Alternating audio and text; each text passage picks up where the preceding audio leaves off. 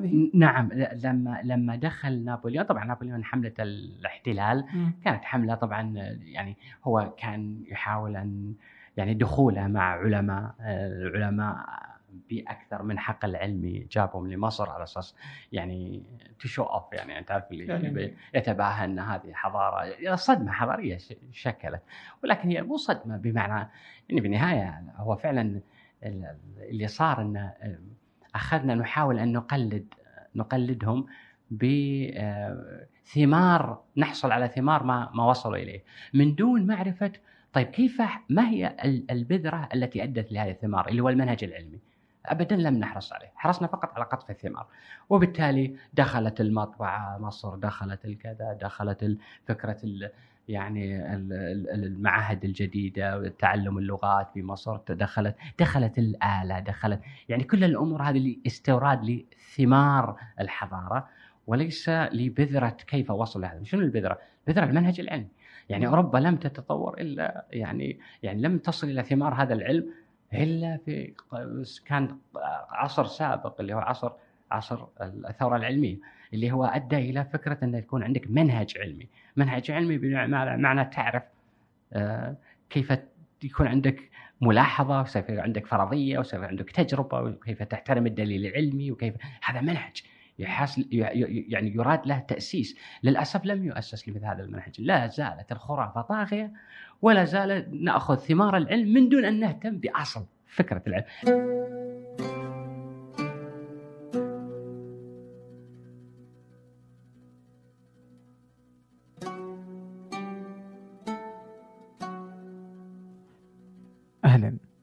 هذا فنجان وأنا عبد الرحمن أبو مالح ضيفي اليوم هو الدكتور فهد بن راشد المطيري مفكر وأستاذ فلسفة اللغة واللسانيات في كلية التربية الأساسية في الكويت درس في إسبانيا على غير العادة، العادة انه يكونون في بريطانيا في آه، أمريكا آه، للحصول على الدكتوراه والماجستير. لكن هو درس في إسبانيا، فليش إسبانيا؟ ما هو علم اللغة؟ ما هي اللغات أصلا؟ كيف نشأت اللغات؟ هل هي يعني مثلا كينونة مستقلة أم هي جزء من تكوين الإنسان؟ عن دور المثقف عن تجاربه المختلفة عن البعثة والدراسة في الخارج عن بحوثه الأخيرة وآخرها دراسته في ألمانيا عن الرياضيات وعلاقتها بالفلسفة وكذلك بعض القصص التي عاشها مثل قصة أن يكون مترجم مع الجيش البريطاني في غزو العراق. كيف يتعامل مع هذه المعضلة؟ أن يكون مع المعتدي وأن يذهب إلى العراق.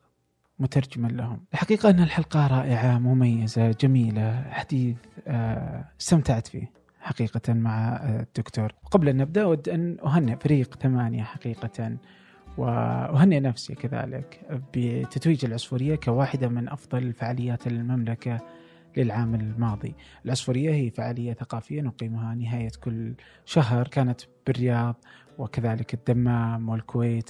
آه، الموسم القادم بإذن الله في هذه السنة سيكون مختلفا. ستبدأ من الرياض ومن ثم ستذهب إلى مدن جديدة. أما الآن لنبدأ. أهلا أهلا بالدكتور. يا مرحبا فيك. يا هلا والله. قبل شوي كنت تقول إنه نأخذ الأشياء من البدايات. نعم. فودي كذا بس برجع يعني. أنت كتبت في 2009 إنه تقول مضى على آه، دراستي بالخارج خمس 15 عاما يعني نعم وإنه لو كان في لو كنت تقدر ترجع عجلة الزمن للوراء لرجعتها نعم. فما في شيء أفضل من البحث عن الفضول والدراسة والعلم نعم. آه، قديش أثرت فيك الدراسة بالخارج يعني إنه هل الدراسة بالخارج فعلا يعني هذه التجربة اللي ودك إنك ترجع الزمن للوراء عشان تروح هناك؟ والله هو طبعا ودك ترجع الزمن بحالات كثيرة مو بس من أجل الدراسة بالخارج لكن أنا أعتقد هو فعلا تجربة الدراسة بالخارج تجربة يعني روحية أكثر ما هي مجرد تجربة انتقال بالزمان والمكان هي تجربة فعلا روحية لأنها تنتقل خاصة إذا كانت طبعا الغرض آه، يعني تجربة دراسية إحنا نسميها لذلك الغرض كان البعثة مثلا. لأن أنا أعتقد أول سؤال وأنت عارف هو عبد الرحمن نحن في مجتمعات يعني في يطغى فيها الأخ الأكبر. يعني تسمعها من أخوك الكبير اللي تسمعها في المدرسة اللي تسمعها من أبوك اللي تسمعها بالمسجد اللي تسمعها أمور شيء طبيعي. نحن في مجتمعات يعني دائما فيها نوع من التلقين. لكن بمجرد ما تروح في مجتمع آه، الخارج أنا أعتقد كتجربة شخصية كان أول سؤال سألته لنفسي أول ما وضعت يعني قدماي أرض البلد الأجنبي. من المسؤول الآن عن يعني عن كل تصرفاتي وكل من المسؤول؟ اختفى الأخ الأكبر، الآن أنا لوحدي. ما هي الآن يعني ما هو المعيار؟ وأنا أعتقد كان هذا سؤال جدا مقلق لي. ولكن أعتقد الحسم يكون لاحقا بعد ما ترى أن فعلا بإمكانك أنك تخوض تجربة ولو أخطأت يبقى الخطأ خطأك ولو أصبت يبقى الصواب صوابك وهذه بحد ذاتها شيء مهم جدا أن تعرف أن تكون مسؤول عن تصرفاتك. وين كانت والله أنا درست البكالوريوس في إسبانيا في إسبانيا في مدينة سلامانكا نعم. ممكن وبعدها انتقلت لمرحلة الدراسات العليا في بريطانيا. ممكن. أنا كذا وأنا جالس أتفرج بعض الأشياء في في في نقطة مهمة كذا جدا رغم إنك تحدثت يعني شوي فيها بس ودي نسولف فيها نعم. اللي هي اللغة اللغة العربية نعم. أنت ظهر في لقاء لك في العربيه وكنت تقول انه آه. إنه اللغة ليست يعني ما يعني مفترض ما نأخذها بهذا الافتخار والاعتزاز والشرف وإن الشرف للأشخاص ليس للأشياء. نعم. لكن يعني ما تعتقد إنه اللغة العربية وإن اللغة هي جزء من الهوية جزء من التكوين؟ أكيد أكيد جزء من الهوية وابدا. أنا أنا آسف إذا إذا أسيء الفهم بهذا ابدا اللغة العربية يعني يعني أنا أتكلم عن عن يعني عن علم. لماذا؟ لأن أنا بالنهاية أعرف لغة غير اللغة العربية. يعني ربما أغلب الذين ينافحون عن اللغة العربية لا يعرفون غيرها خاصة من الت... يعني بعض التيارات التقليدية. آه على الرغم من ذلك ما زالت عندي اللغة العربية هي اللغة الأولى للتعبير عن مشاعري للتعبير عن عن أفكاري للتعبير على الرغم أنه ربما أتاحت لي الظروف كما أتاحت لغير الكثير أن يعرفون آه لغات أخرى. شيء طبيعي. ولكن تبقى اللغة العربية لغة لغتك الأم، اللغة اللي تستطيع أن تعبر عنها وتعتز بها أيضا، هذا أمر طبيعي جدا. ما قلته أن دفاع من الحب ما قتل. أحيانا ندافع عن اللغة العربية بطريقة تسيء للغة العربية، يعني لا تستطيع مثلا الآن بعد مثلا ما تعرف تاريخ اللغة العربية وتعرف اللسانيات وأساسيات يعني تطور اللغات، لا تستطيع أن تأتي وتتكلم عن غير علم وتقول اللغة العربية هي أصل اللغات مثلا، يعني هذا الكلام ربما ينفع في مجال معين ولكن لا يصلح علميا لا تستطيع، اللغة العربية لغة افرو اسيويه سامية لها ما لها وعليها ما عليها من الناحية العلمية، فبالتالي أنا أتكلم من الناحية العلمية، أما من الناحية العاطفية شيء طبيعي أن تفضل لغتك على اللغات الأخرى. هذا أمر طبيعي. أوكي. بس مثلا في ناس تيجي تقول إنه اللغات ما هي إلا أدوات التواصل؟ صحيح. صحيح؟ صحيح. فيعني ابتكرها الإنسان بشكل مختلف تطورت مع تطورات اللغات وتطور الإنسان يعني جت لغة بعدين لغة بعدين لغة نعم. وهكذا يعني. فهي الهدف الأساسي منها إيش؟ التواصل. طيب كيف ارتبطت اليوم بأنها جزء من الهوية؟ يعني وهل فقدان اللغة يفقد وجودك آه، الحضاري؟ آه، قبل أن أجيب عن الشق الثاني من سؤالك ربما مقدمة سؤالك أنا لدي اعتراض عليها. أي لأن اللغة آه، أن نقول بأن اللغة هي حقيقة جاءت للتواصل فقط ونحن من اخترعنا اللغة. أنا أعتقد هذا الكلام غير دقيق لأن لأن حتى تخترع اللغة يعني في نظريات قديمة جدا تقول أن الإنسان هو الذي اخترع اللغة وبالتالي هي مجرد نحن تواضعنا يسمونها نظرية التواضع أي اتفقنا على أن نسمي الأشياء. وهذه قديمة جدا يعني لنسمي كذا كذا وهكذا بدأ الإنسان بأن باختراع اللغة. ولكن هذه المشكلة أن هذه النظرية لكيف نشأت اللغة آه، تحمل بذور فشلها في ذاتها. لماذا؟ لأنك حتى تسمي الأشياء أنت محتاج محتاج إلى لغة اولا. فبالتالي من أين أتت اللغة؟ لا يبقى السؤال قائما. آه، اذا اللغة حقيقة لم تنشأ أو لم تخترع وإنما هي آه، لغة طبيعية جزء من تركيبك الجيني. أنت بمجرد أنك إنسان تستطيع أن تتحدث. طبعا مع مع يعني مع استثناء الحالات المرضية بمجرد انتمائك لفصيلة الإنسان أنت تستطيع التحدث دليل الأطفال يتحدثون قبل أن يذهبوا المدارس. نحن لا نلقن أطفالنا اللغة وإنما ضعهم في بيئة ويتعلمون اللغة. بينما نفس البيئة لو وضعت حيوانا آخر مثلا من فصيلة أخرى لن يستطيع أن يتحدث مهما سمع. وبالتالي هو في شيء متعلق بالإنسان يسمح له باكتساب اللغة. لهذا السبب في نظريات أخرى تقول بأن لا اللغة طبيعية بمجرد انتمائك لفصيلة الإنسان أنت تتحدث. إذا أنا اعتراضي على آه، فكرة أن اللغة اختراع. طيب شلون بدأت اللغة؟ وهذا السؤال. نشأة اللغة يعني هذه مشكلة كبيرة. لماذا؟ لأن نشأة اللغة سؤال قديم جدا. ولكن لدرجة أن الجمعية طبعا الفرنسية في باريس في في أكثر من قرن منعت أصلا الحديث عن كيف نشأت اللغة لأن يعتقدون هذا السؤال لن نحله أبدا. من الصعب علميا أن تحل هذا السؤال. طبعا الآن تغير الوضع مع مع يعني التقدم العلمي. أصبح الآن في لا نظريات تقدم انه ربما اللغة يعني نشأت آه، بتحول في طفرة معينة في الدماغ آه، أتاحت لإعادة تركيب طبعا الخلايا العصبية بطريقة سمحت بوجود وظائف جديدة للدماغ. أهم وظيفة للدماغ اللي هي من هذه الناحية الوظيفة التكرارية. تكرارية بمعنى انه وكانه جهاز في input و output okay؟ إذا حطيت ال input ال output ال output تقدر تشتغل عليه مرة ثانية input هذه يسمونها recursive يعني تكراري. هذه الخاصية أهم خاصية عند ال ال عند الإنسان وليست موجودة عند كائنات أخرى. وبالتالي هذه الخاصية سمحت بنشأة اللغة بالمقارنة مع فصائل أخرى. نشأة اللغة جاءت عن طريق هذه الخاصية، هذا طبعا رأي ولا وليس هناك دليل علمي عليه ومجرد هنا فرضيات يعني ما في رأي علمي يعني واضح. بس لو تسمح لي على موضوع أيضا التواصل. أنا إيه بالعكس خلينا نسولف أنا اعترضت على الاختراع أنا اعترض على التواصل قبل أن أتي طبعا إلى سؤالك عن الهوية. يعني إيه نعم صح يبدو أن اعتراضاتي كثير لا بالعكس. في في أخوي عبد الرحمن ال ال آه، قلت أن اللغة آه، جاءت للتواصل. هو حقيقة التواصل مع من؟ مع الآخرين تقصد صح؟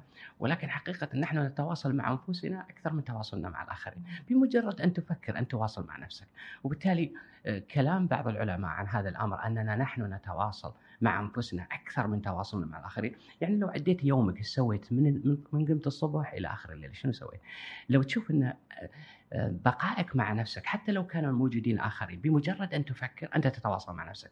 إذا شيء طبيعي نسبة تواصلك مع نفسك أكثر من نسبة تواصلك. مع الآخرين. صح. وبالتالي إذا كان هذا صحيح إذا اللغة لم تأتي للتواصل مع الآخرين. إنما جاءت للتعبير عن الفكر التعبير عن ذاتك. وهذه هذه اذا الوظيفه الأساسية للغة. قبل ما تكون التواصل مع الآخرين وظيفة ثانوية. إذا قورنت بتواصلك مع نفسك. لأن بدون اللغة لا تستطيع أصلا أن تعبر عن ذاتك لا تستطيع أن تعبر عن أفكارك لا تستطيع أن تفكر. باختصار. الآن أتي إلى الهوية. أن اللغة مرتبطة بالهوية وإذا اختفت اللغة كما تفضلت.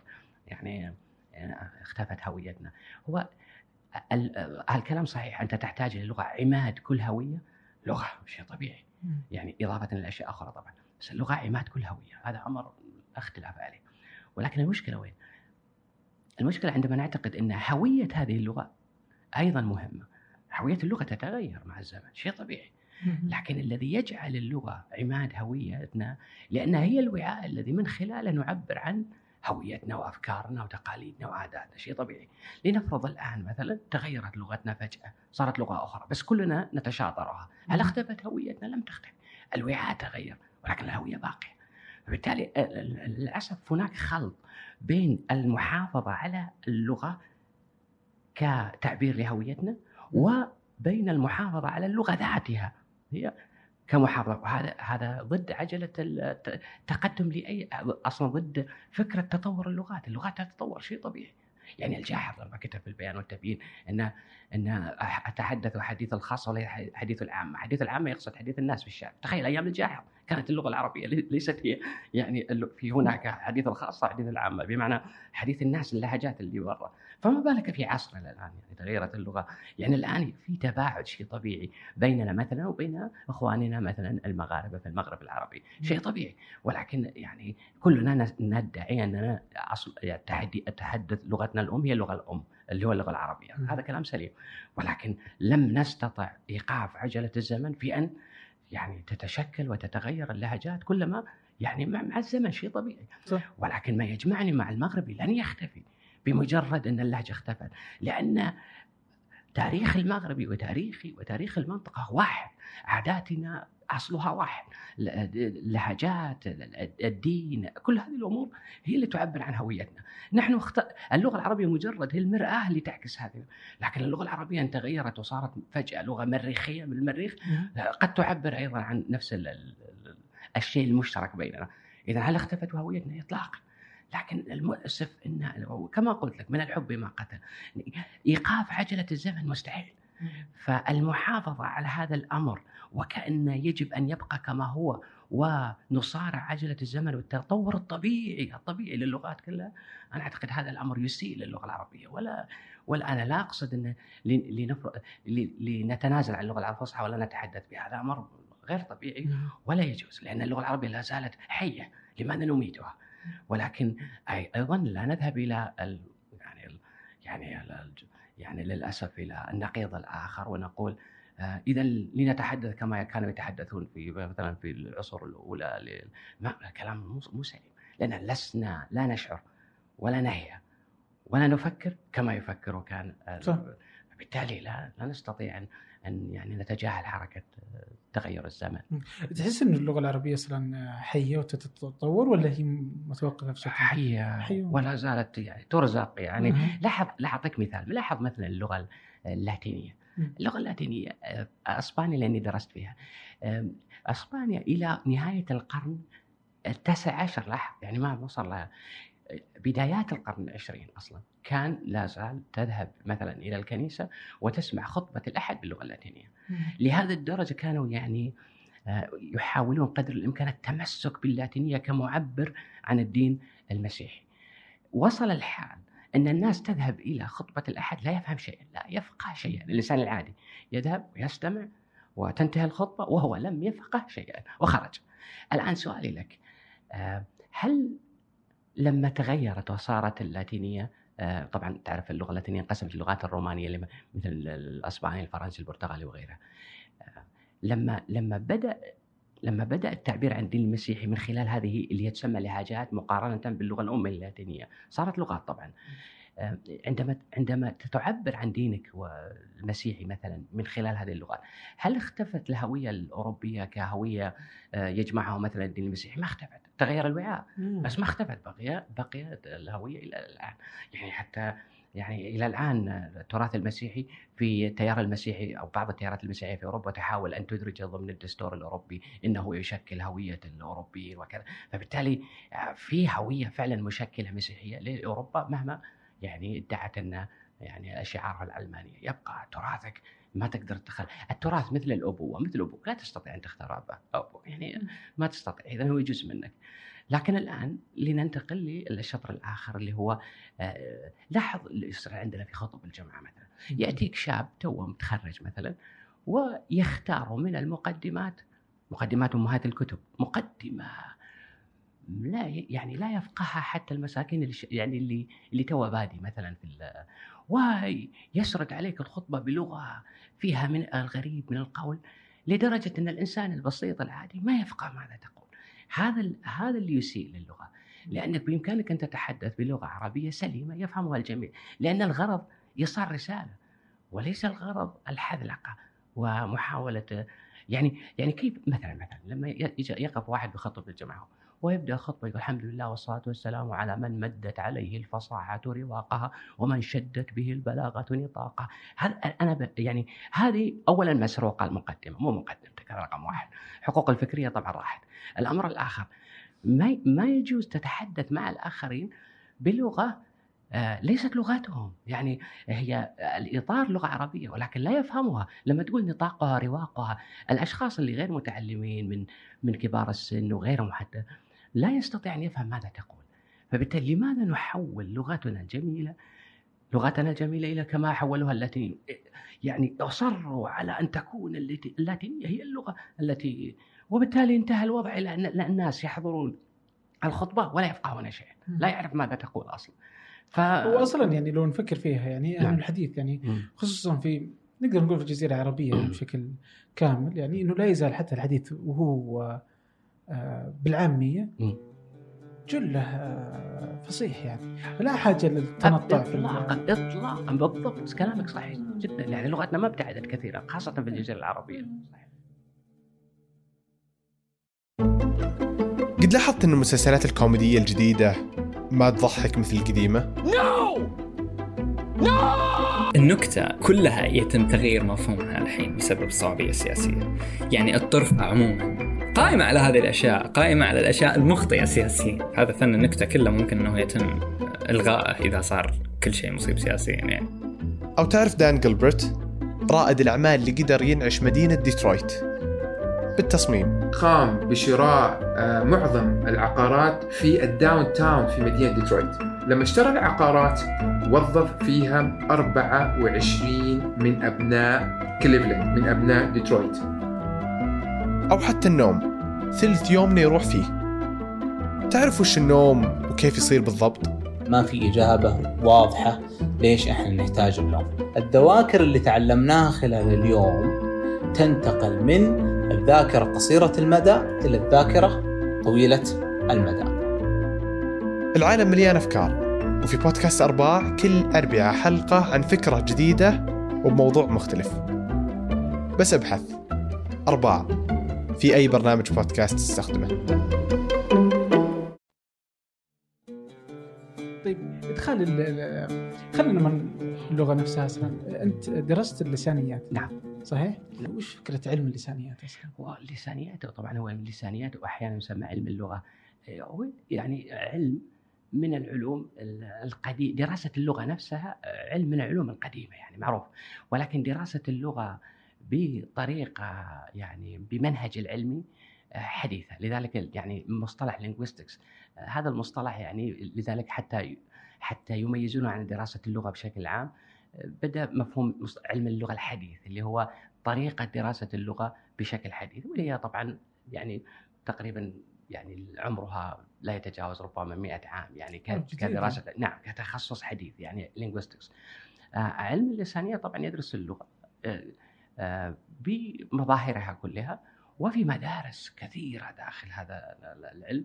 أحيانا بعض المدارس تنظر للغه بوصفها كما وصفت لك آه، كائن طبيعي يعني أو كينونة طبيعية جزء من التركيب الجيني للإنسان. والبعض الآخر ينظر لها لا مجرد اختراع بشري والغرض منها التواصل مع الآخرين. البعض يعتقد لا اللغة مجرد هي آه،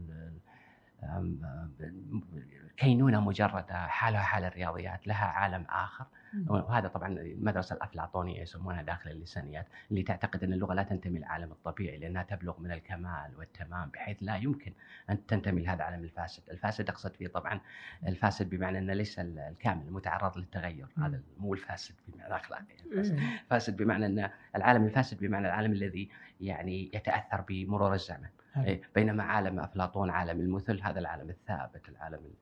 وبالتالي في مدارس كثيرة داخل هذا العلم ولكن الغرض منه دا- دراسة ظاهرة اللغة لأن اللغة فعلا تستحق تستحق فعلا إنك تدرسها لأنها تثير أسئلة كثيرة صراحة اللغة ظاهرة اللغة نفسها. تثير أسئلة كثيرة يعني لماذا وجود المعنى فيها؟ لماذا يتغير المعنى فيها؟ آه، آه، لماذا لماذا مثلا المترجمين يعانون لما يترجمون لأن لأن الترجمة مجرد تغيير رمز برمز آخر مع الاحتفاظ بالمعنى وهذا أمر يكاد يكون مستحيلا، طيب لماذا مستحيل؟ لماذا لا تستطيع أن تعبر على نفس الفكرة برمز آخر؟ ما الذي نقص في مم. الحالة هذه؟ يعني هذه أسئلة صراحة تثيرها وحتى مثلا ليش اللغة العربية مثلا لديها هذا الكم الكبير من من مش حتى المرادفات يعني لأنه كل معنى من المعاني نعم. في يعني عدد الكلمات وعدد الأشياء اللي تصف الأشياء كثيرة جدا مختلفه عن اللغات الثانية نعم. ليش التفاوت أصلا ما بين اللغة واللغة نعم. في وصف الأشياء وفي معرفة الأوقات صحيح. لها علاقة بال- بالثقافة وليس لنا إلا الفرضيات لا نعرف صراحة لكن طبعا إحدى الفرضيات تقول إن على قدر الحاجة تعبر فبالتالي أنت تعبر لأن آه، لأن ربما تعاملك مع هذا الأمر كثير وإذا إذا كثر تعاملك مع هذا الأمر أنت تفصل فيه أكثر. وبالتالي من ضمن التفصيل أنك يعني تسميه بأكثر من شيء تعاملك معه. ربما أو ربما أن الذي يسموه مختلفين.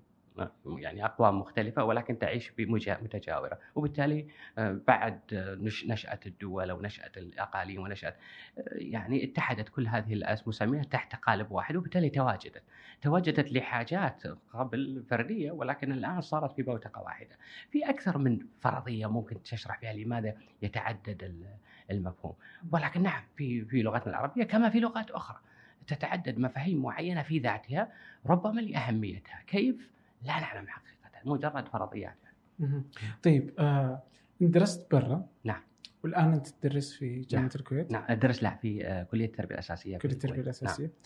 آه هنا. شو الفرق بين التعليم في الخارج والتعليم في الداخل؟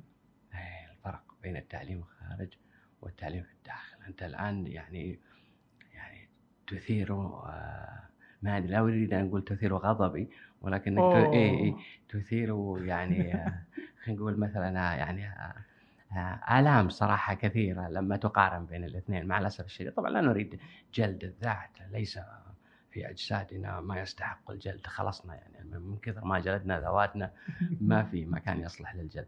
لكن لا أعتقد آه، هو يعني أعطيك مثال بسيط. العام الس- السابق هذا تو اللي طاف رحت في سباتيك اللي هو تفرغ علمي لمدة سنة في ألمانيا. آه، اسمه معهد مركز ميونخ لفلسفة الرياضيات لأنه يدرس علاقة الرياضيات باللغة وهذا اهتمامي الآن حاليا.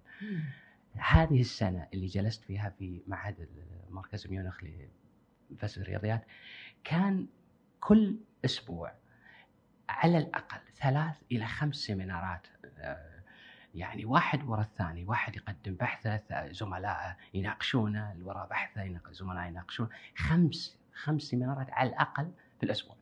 غير ال weekend لما يصير في conference يحاولون يخلونها مثلا مؤتمر يخلونها في في عطلة نهاية الأسبوع على أساس إن الآخرين أيضا يستطيعون لنا في سيمينارات.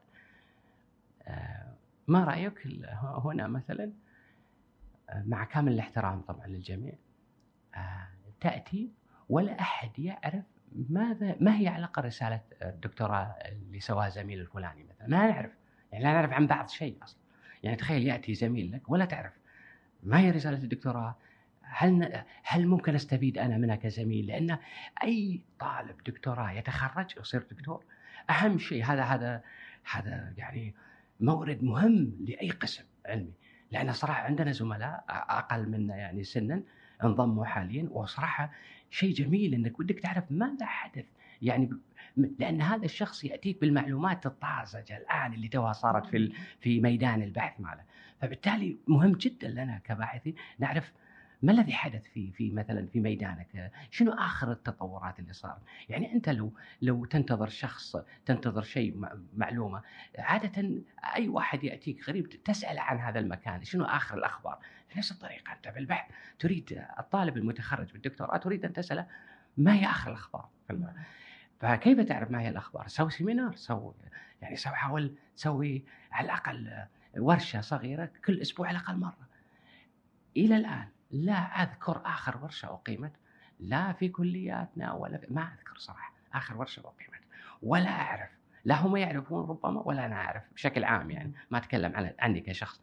ما نعرف عن بعض للأسف شيء وأنا أواثق إن هذا الأمر لا يتعلق فقط بكليتي يتعلق بكليات بشكل عام يعني. ما لا نعرف بعض بمعنى لا نعرف ما ما, ما بحثنا كيف كيف بحثنا؟ شنو آخر التطورات في الفيلد؟ ما ما موجود معنا للاسف هذا الشيء. مع الاسف لا لو تجد أحيانا يعني إنه يعني الدكتوراه أنت عندما تحصل على شهادة الدكتوراه فهي يعني في ناس طبعا تشوفها إنه أنت بلغت العلم، في نعم. ناس تجي تشوف إنه أنت حصولك لك الدكتوراه هو شهادة لك بأنك قادر على البحث العلمي، طيب أنت الآن مخول إنك تبدأ تبحث، صحيح. بس يعني المشهد في المنطقة هو إنه الدكتوراه هي ال- الغاية. الغاية. وخلاص ما ان تحصل على الدكتوراه يعني. في ناس تعزو ذلك إلى إنه إلى ضعف أصلا المجال يعني. لأنه ما في محفزات إنك تبحث يعني. خلاص أنت ما تصبح دكتور ما راح تنشال منك راح تكون دكتور في الجامعة. آه وخلاص يعني ما تحتاج إنك تأخذ بحث جديد. إلا إذا تبغى الترقية وترقيات محدودة فخلاص يعني. هو صدق فهل فعلا المحفزات لهالدرجة معدومة؟ وإذا أنتم كلكم دكاترة كل. يعني كل الدكاترة اللي مثلا في السعودية ولا حتى في الكويت. في, في المنطقة كلهم أخذوا الدكتوراه من خارج المنطقة مم. وراحوا شافوا هناك البحث العلمي صحيح شافوا الاكاديميا كيف هناك فتلقى من الوزير إلى مدير الجامعة إلى الدكاتره إلى رؤساء الأقسام كلكم درستوا برا نعم.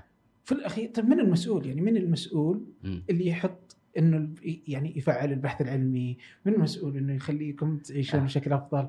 إذا كلكم يعني أوكي. هو قبل أن نقول ما هو المسؤول؟ اولا حتى لا حتى يعني فكرة إن درسنا برا هو طبعا أكيد الدراسة برا يعني أفضل من الدراسة في الداخل. هذا لا يعني كلام لا نستطيع أن يعني ننكره طبعا لظروف موضوعية كبيرة. لكن لا ننسى أن على الأقل يعني إذا كان هذا في جرح بالهوية أحاول أن أضمده. آه، جامعة قرطبة قديما في الأندلس كانوا البابوات بابوات روما يدرسون فيها جامعة قرطبة جامعة في في في الأندلس. يعني أقصد هذه دول بمعنى يعني يعني الأمور دول تتغير الأيام يوم لك يوم عليك. نحن الآن في الموجة مع الأسف موجة الانحدار. آه، كانت كانت من قبل لم تكن هكذا. اذا الأمر ليس متعلق بأنك عربي والآخر غربي اطلاقا. اطلاقا. الأمر متعلق بأمور وظروف موضوعية تاريخية أدت إلى هذا الانتكاس. فاذا الغربي ليس يعني مؤله اطلاقا. أيضا أزيدك من الشبك أنا أدعي يعني أكثر من 20 سنة في الغرب. هناك من الأوروبيين بل ما هم ما هم أسوأ من النماذج الذي نجدها هنا في عالمنا العربي. حرصهم على الدكتوراه حرصهم على الشهادة حرصهم على انه ينادى دكتور موجود موجود الأمر. ولكن كظاهرة مكثفة موجود عندنا. لا شيء طبيعي. لماذا؟ لأسباب. الآن إجابة على سؤالك مثلا طبعا طبعا كلامك صحيح لما ذكرت إنه والله إن الدكتوراه مجرد مجرد إنك آه، شهاده تفيد بأنك قادر على البحث العلمي، قادر على البحث العلمي ولذلك في تشبيه طبعا شهير بينها وبين الليسن مال السيارة. يعني تطلع ليسن ليش؟ تطلع إجازة السيارة، الإجازة تقول لك هذه الإجازة تفيد بأنك قادر على القيادة قادر على القيادة. الشهادة الدكتوراه نفس الطريقة. تفيد بأنك قادر على ماذا؟ البحث على البحث العلمي. الآن هل لما تأخذ اجازه السيارة هل تحرص على لقب واحد يقول لك السايق عبد الرحمن؟ ما تحرص صح؟ صح طيب يعني ماذا تحرص على يقولوا لك الدكتور عبد الرحمن؟ لأن المأساة اللي قاعدة تصير وأنا أنا أذكر هذا الكلام لماذا؟ لأني مرة عبرت عنه ربما في مقال ومن ثم في تغريدة واحتجوا الكثيرين على هذا الموضوع وبستغل هذه الفرصة للرد على هذا أن البعض يقول لا يحتج على هذا الكلام أنه بالنهاية لا شهادة الدكتوراه غير عن إجازة القيادة شهادة الدكتوراه تعبت من أجلها ممتاز. ولكن تعبك من أجل شيء أدعى بأنك تحافظ وتعرف على قيمته وليس من الاعتراف بقيمته أن تتباهى بها أمام الآخرين. هذا أبدا هذا يقلل من قيمته ولا يعطيه قيمة حقيقية. عندما تتباهى بشيء أمام الآخرين أنت تقلل من قيمته ولا تعطي قيمته الحقيقية. يفترض بك أن تق... التباهي الحقيقي بقيمة الدكتوراه هو أن تعرف أنك تعبت فعلا ولا تريد لتعبك هذا أن يذهب بمجرد أن يكون مجرد سلم على القبول الاجتماعي وبالتالي تحظى بالحظوة من الآخرين فقط لأنك دكتور. هذا كلام فاضي مع الأسف. دكتور معناته تستطيع أن تبحث بس انتهى. هذه ليسن تستطيع أن تبحث. يلا ورنا شطارتك ابحث. ولكن ما ما له علاقة في أن دكتور إذا وصلت الغاية وانتهى الأمر وأنا أعتقد اللي يحرص على اللقب لا يستحقه يعني عادة اللي يحرصون على الألقاب لا يستحقون. ايا تكون الألقاب ايا يكون اللقب. الدكتوراه هي تحصيل حاصل لجهد موجود أصلا. هذا الجهد هو فضول منبعه. بوجود هذا الفضول أنت باحث بدكتوراه أو من دونه. بوجود هذا الفضول أنت باحث انتهيت. الدكتوراه مجرد تحصيل حاصل. اذا آه، ربما يسأل بعضهم طيب لماذا حرصت؟ مثلا أنك تبحث تحصل على الدكتوراه. الدكتوراه إطار برنامج يتيح لك تغذية هذا الفضول. فبالتالي أنت تغذي هذا الفضول. لكن لنتخيل لو قالوا لك مثلا بإمكانك أن تغذي هذا الفضول جامعة مثلا قبلتك وقالت حياك الله صر عندنا سوي الرسالة سوي اللي تبي بس ما راح نعطيك title. شوف كم واحد راح ياخذ دكتوراه كثير okay. كثير منهم ما راح ياخذ الدكتوراه لأنه لم يذهب إلا من أجل هذه الشهادة وليس من أجل البحث. مع الأسف بينما الباحث الحقيقي يقول إذا توفر لي أني أبحث فعلا وأنتهي من البرنامج وأتعلم وأكون إنسان أكثر وعيا ونضجا بعد هذه الرسالة حتى لو ما أعطيتني ال title شكرا جزيلا. انتهى. بس حصلت على البحث العلمي. الآن البعض يعتقد إنها أيضا ربما مفتاح لوظيفة. طيب okay مفتاح لوظيفة ولكن أي نوع من الوظيفة؟ ترى بالنهاية الدكتوراه وظيفة آه، مسؤولية كبيرة. أنت أنت الآن مطلوب منك آه، أن تعلم أناس آه، تعدوا يعني مرحلة البلوغ. وصلوا مرحلة الآن يعني بإمكانهم يناقشونك بإمكانهم ياخذ بإمكانهم يردون عليك وبالتالي يجب أن تكون يعني فاهم بالضبط ودرست بالضبط أشياء تتيح لك أن تصل لمرحلة أن أن تقول لا أعرف كل شيء. دكتوراه لا تعني أني أعرف كل شيء وبالتالي أنا جاهز للسؤال وربما أنا أسألك كطالب ربما أنت كطالب تعلمني شغله للأسف لدينا فكرة أن الدكتور هو خبير. ليس خبير الدكتور الدكتور ربما حتى في تخصصه لا يعرف كل شيء. يعني جهلنا غير مت... يعني جهلنا غير متناهي يعني لا متناهي الجهل. معرفتنا مهما عرفنا يعني دائما تبقى يعني محدودة. وهذا الأمر للأسف اللي اللي يحاول طبعا إجابة على سؤالك إن لماذا طيب ما يتغير الأمر؟ ما يتغير الأمر أخوي عبد الرحمن لأن التعليم ليس معلقا في الهواء وهكذا جاء التعليم. قرار يجب أن تكون قرار من الدولة بأي دولة؟ قرار سياسي التعليم. إصلاحه قرار سياسي. أنت لا تستطيع أن أن أن تغير من الوضع داخل الجامعة وداخل المدارس أو داخل مجرد لأنه والله صارت مثلا آه، مجرد فكرة آه، يعني دكتور بيحاول يغير داخل محيطه ما, ما تغير بهذه الطريقة.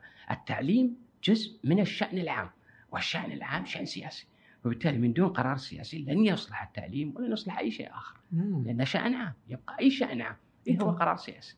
طيب نعم. إذا اخذنا على إن الدكتوراه هي أو الدكتوراه والدراسة والجامعة هي من الأشياء نعم. المهمة جدا واللي يبحث عنها بعضهم لأجل العلم نعم وبعضهم لأجل حرف الدال فقط صح. طيب ماذا عن الناس اللي تأخذ ال- المعرفة والعزلة والمعرفه الذاتية والتعليم الذاتي كيف تجد اليوم هذا المشهد يعني هاي العزلة أنا أعتقد يعني اختفت يعني راح يعني راح عالم ابن يعني فكرة ابن طفيل الشخص المعزول في جزيرة ويحاول يصل للمعرفة. يعني هذه أمور أعتقد الآن الإنسان الوقت الحاضر مع الأسف يريد المعرفة وغالبا لي- يريد جمهور مع هذه المعرفة للأسف. يعني يعني تلاحظ يعني حتى نلاحظها حتى كلنا مرينا في هذه المرحلة أتوقع يعني. الشباب خاصة لما أول مرة تقرأ فيها كتاب تجربة جميلة تشعر إنك قرأت شيء لا يعرفه غيرك تعتقد ذلك وبالتالي تحاول أن تعبر عن هذه الفكرة وتخلص لها إخلاص و يعني تصل إلى حد تدخل في نقاشات ما لها داعي فقط لتثبت إنك قرأت هذه الفكرة، هذه مرحلة المراهقة العادية الطبيعية وبالعكس المفروض ما نقمعها لأن هذه بداية إنك تقرأ. مم. ولكن مع الوقت نأمل دائما إن مع الوقت تصل مرحلة إنه مهما قريت سوف تبقى جاهلا واعترافنا بالجهل مهم جدا لأن لأن الجهل هو فعلا لا متناهي آه، لكن فكرة إن نكون الله المعرفة يعني آه، العزلة والمعرفة المعرفة بالنهاية ليست فقط معرفة لك أنت عضو في مجتمع. وتريد أن تساهم من خلال معرفتك في إصلاح مثل هذا المجتمع، شيء أمر طبيعي، فإذا لا تستطيع أن تستغل المعرفة استغلالا بمحاولة على الأقل إثراء النقاش مع الآخرين أنت نوعا ما أناني. يعني, يعني لا تستطيع أن يعني تجلس لوحدك وتقرأ ولا يهمني العالم الخارجي، هذه فيها أنانية، لأن أكيد بانعزالك أنت أصبحت يعني عديم الأذى، لن تؤذي الآخرين، هذا أمر أكيد، ولكن أيضا عديم الفائدة. فبالتالي ان تجلس لوحدك و... و... ولا يهمني العالم الخارجي كله. هذه فيها نوع أعتقد من الأنانية وبأنك يعني مجرد إضافة غير حقيقية للمجتمع اللي أنت فيه. هذا أمر مؤسف صراحة. طيب آه، أنت اخترت إسبانيا؟ نعم. ليش إسبانيا؟ والله إسبانيا غريبه العادة يعني أمريكا بريطانيا إسبانيا كنت كنت صراحة لما رحت البعثة وطلبت إني أروح لفرنسا صراحة تاثرا بطه حسين صراحة آه. إيه لأني كنت أقرأ طه حسين كثير إيه، طه حسين تجربتي معه في المرحلة الثانوية أو والله إيه بداية المرحلة الثانوية كنت أذكر أروح مكتبه ذات السلاسل بالسالمية وكنت كنت أروح من الجهره للسالمية آه. وأذكر كنت يعني كان مصروفي كنت أوفر على أساس أشتري المجموعة الكامله أذكر نزلت المجموعة الكامله في في مكتبة آه، ذات السلاسل. فأذكر إن أذكر إن إلى الآن أذكر صراحة وصلت المبلغ المطلوب لشراء لشراء المجموعة كاملة. أعتقد كانت 16 مجلد. فطاير فيها يعني اني بروح اليوم راح أشتريها. ففعلا رحت ولقيت المجموعة أخذتها طبعا فيقول لي صاحب المكتبة الحكي هذا قبل وين بالثمانينيات اواخر الثمانينات يقول لي صاحب المكتبة كان عمري أعتقد وقتها 16 ما عندي سيارة يعني فيقول لي ال- يقول لي صاحب المكتبة أنت أنت عندك وين سيارتك عشان أخذها لسيارتك؟ أنا ما عندي سيارة. قلت له لا لا مو مشكلة أنا صابط صوب ال- أنا الحين باخذ شنو؟ بحاول أخذ آه، تاجير ما كان في تاكسي يا تاخذ عربانة يا تركب الباص آه. إيه. فأشرت وقف لي راعي عربانة أخذت الكتب كان يقول لي وليدي والعربانه وش يعني؟ العربانة صدر واحد يعني بس باب واحد وراء البدي آه. فقلت له قلت له لو سمحت أقدر أحط كان يقول لي يا وليدي حطهم بالبدي ورا ورا يعني فحطيتهم وقعدت معاهم. خوفا بأن يطيرون مع الهواء. كان يقول لي وليدي أنت صاحي. قال بالبدي أنت طاير على الكتب وكذا. قلت له لا يط- يطيرون. لأن حاطين بشكل خفيف يطيرون مع الهواء. فأذكر طاق اللط ما ما ابي أحد يعرفني.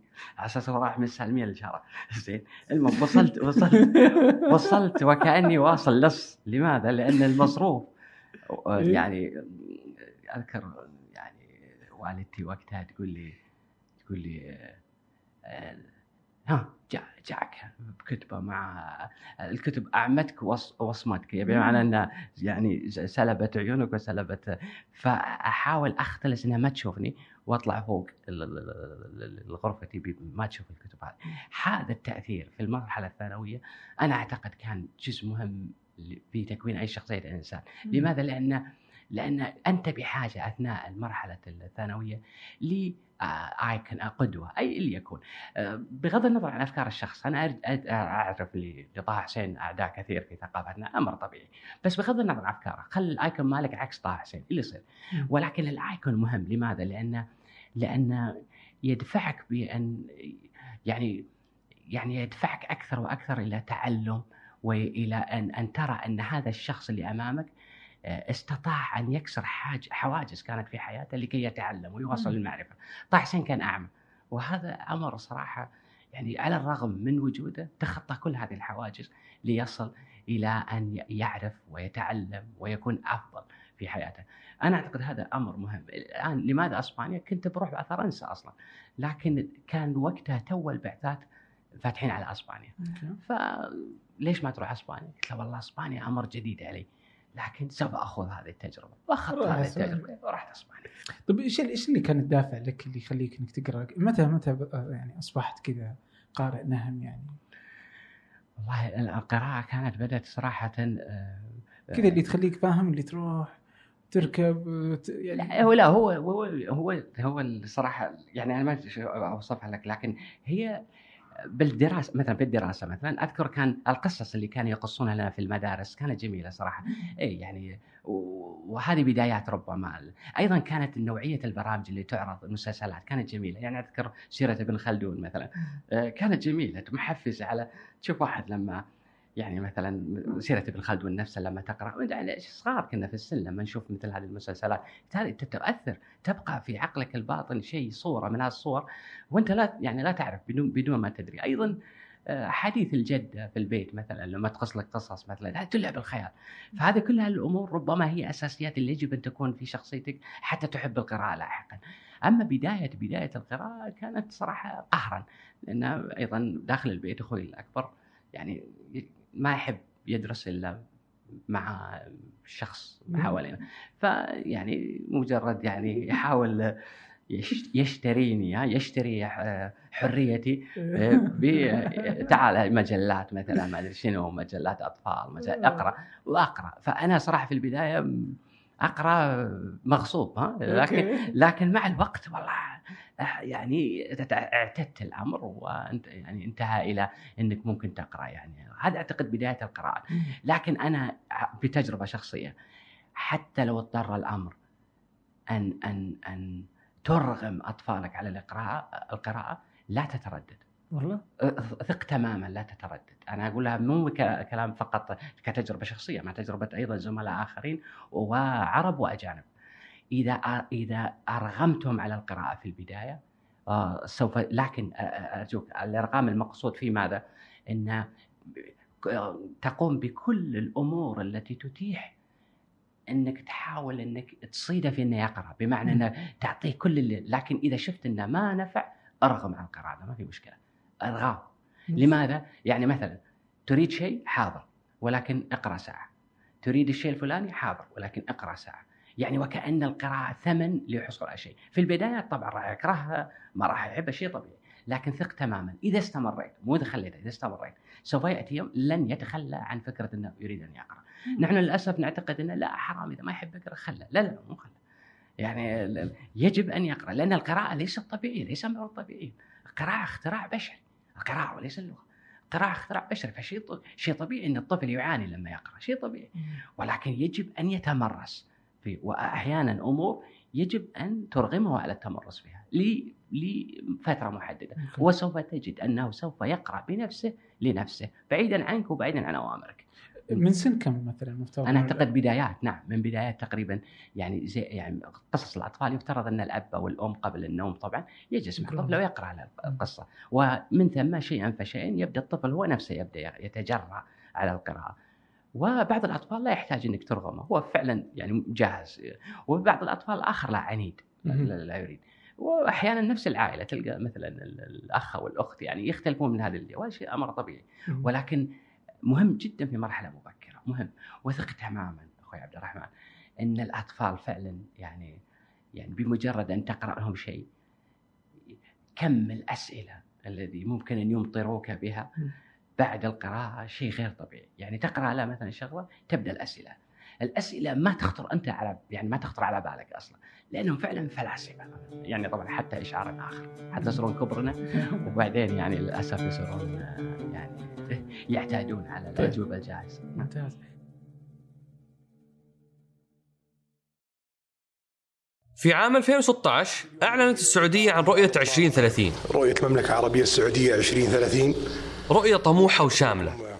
غطت تفاصيل حياتنا اليومية من خلال برامج الإسكان وجودة الحياة والتحول الرقمي وامتدت لتشمل نمو وتنويع الاقتصاد عبر برامج صندوق الاستثمارات العامة وتطوير الصناعة والخدمات اللوجستية وغيرها. اليوم وبعد أربع سنوات من هالرحلة المثيرة يتبادر لأذهاننا عشرات الأسئلة عن مستهدفات وبرامج ومؤشرات الرؤية.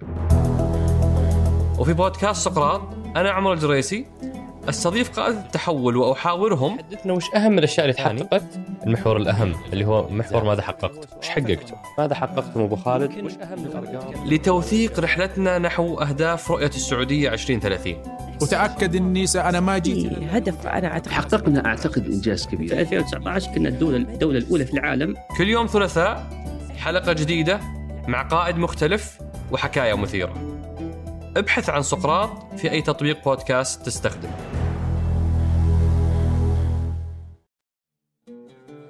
آه، أنت درست في درست في الخارج قرابه 20 سنة. نعم. حصلت لك مواقف كثيرة يعني؟ كثير كثير. آه في بعضها في حق الحرم الجامعي. أي واحدة؟ اللي في إسبانيا. إيه يوم كان في حادث إرهابي فكان آه أوكي إيه هذا ش... 2000 إيه اذكرها 2000 كم؟ 2000 هذا 20 مارس 2003 إذا يعني 2003. آه، 20 مارس 2003 مم. الآن هل حصلت لك مواقف تتذكر بحكم الهوية الإسلامية العربية اللي أنت جاي منها؟ آه ضايقتك؟ والله شو أسبانيا لم يح الغريب في كل مكان إيه ولكن نعم آه، في أسبانيا لم يحدث على الإطلاق وهذا اللي آلمني صراحة. آه، أنا وصلت يعني يعني جلست بأسبانيا تقريبا قرابة آه، ست سنوات. لم ي... لم يعني يستوقفني أحد لمثلا ديني أو ل... ولبيئتي أو لأن لا، اطلاقا. ما لهم شغل اطلاقا خاصة في أسبانيا يعني. إلى أن صار حادث مدريد. أوكي. إيه لما صار حادث مدريد أول مرة حطت القرار- القطارات في سلامانكا أصلا. وإذا باثنين ما لهم مو لابسين أصلا شرطة ولكن واضح إنهم يعني مخبرين طلبوا مني الهوية وتعال أنت كذا عربي وكذا. فشعرت عاد كانت آخر أيام بخلي اسبانيا بمشي. فكانت صراحة مؤلمة إن طول هالسنوات يعني حدث شيء جعل الأمر كله يعني يعني كانت أستاذة الأدب دائما تشجع على فكرة إنه يعني ترحب بالطلبة الأجانب عندها وان تقول هؤلاء دائما تؤشر على الطلبة الأجانب تقول هؤلاء هم جسور للثقافات. يعني دائما تح- تحث على فكرة انه يكون جسور للثقافات بيننا وبين بعض فكان الأدب طبعا كجسر أيضا للثقافه لكن للأسف أحيانا يعني في ناس تفخخ هذه الجسور طبعا. باسم الأيديولوجية وباسم الكذا وبالطرفين على فكرة مو طرف واحد بالطرفين. يعني عندك يمين عنصري وعندك آه، يمين رجعي فبالتالي يا. يتقابلوا يعني مع طيب برضو كان في يعني في هنا سالفة اللي صارت لك مطار 2009 نعم. في آه، بريطانيا. إيه. فعشانك زرت العراق. نعم صح. أنت ما زرت العراق إيه. إيه. أقول لك إيش صار بالعراق اي نعم. آه أوكي. إيه، ما ز- مو زيارة للعراق إنما إنما دخول العراق. آه أوكي. إيه. فهو سألك إنك هل زرت العراق؟ قلت له إيه. نعم قلت له. إيه. إيه سأله صح. بعدين إنك آه، رحت كان مع الجيش البريطاني. الجيش البريطاني نعم. مترجما. مترجمه نعم.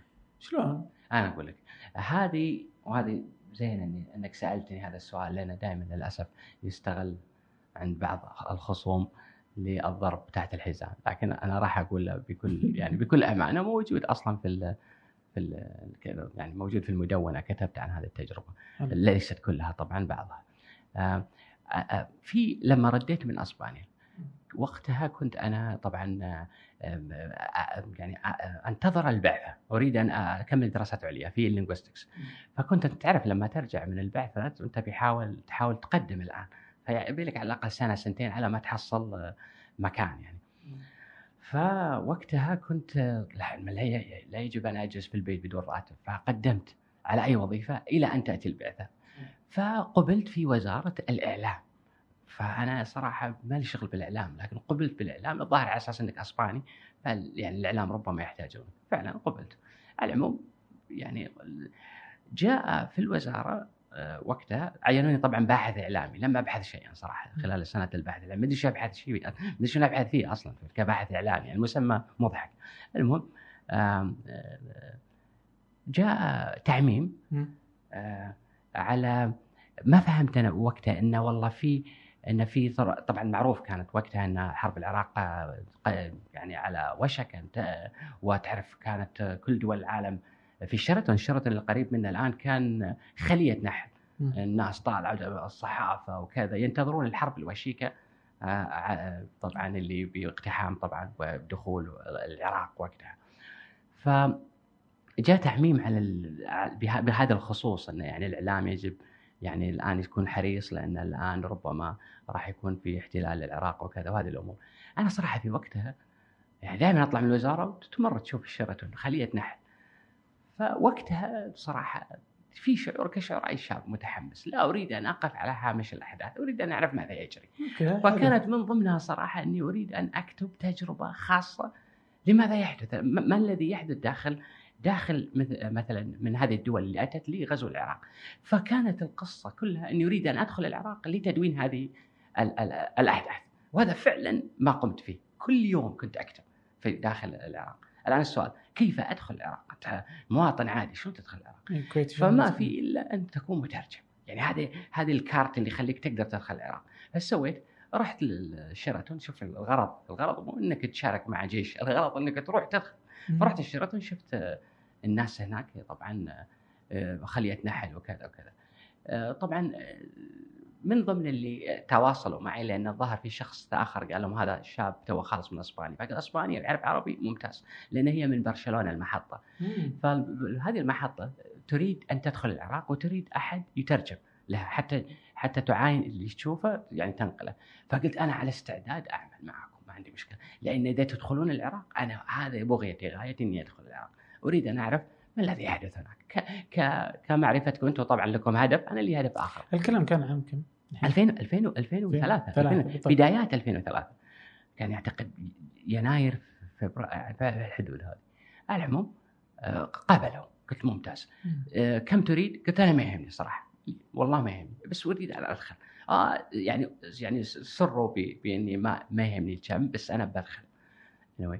فبعدها ثاني يوم اتصلوا فيني قلت أنا أسف صراحة يا فهد إن ما نقدر ندخل آه. ليه؟ لأن عطوا بعض المحطات تدخل مو كل المحطات وإحنا لسنا من مو محطة كبيرة حيل بحيث نقدر ندخل مع القوات حتى المحطات راح تدخل بعد القوات مو يعني يعني حيل متأخرة فإحنا بالمرة ما نقدر ندخل ولأسباب أمنية أخرى طيب لا زلت معانا على أساس على الأقل تغطي من الكويت؟ قلت لا ماني معكم. لأن أنا أبغى. أنا أنا أبخ- أريد الدخول حقيقة. حلو. أريد أن أدون هذه التجربة، أنا أعتقد العالم كله جاء إليك لا تستطيع أن تكون على الهامش، تريد أن تعرف ما الذي يحدث في في بلد مثل ما الذي يحدث داخل، وحقيقة تجربة، لو عاد الزمن إلى الوراء لا. لما تنازلت على أني اخوضها تجربة فعلا تستحق الخوض. وإلى الآن لم أكتب كل شيء عنها ولا وسوف أكتب لكن كتبت أجزاء بسيطة ونشرتها. على على شكل قصة ولكن الحقيقة الاحداث حقيقية وليست كل القصة حقيقية اللي نشرتها. لكن سوف أنشرها على أحداث حقيقية يوم بيوم كما رأيتها.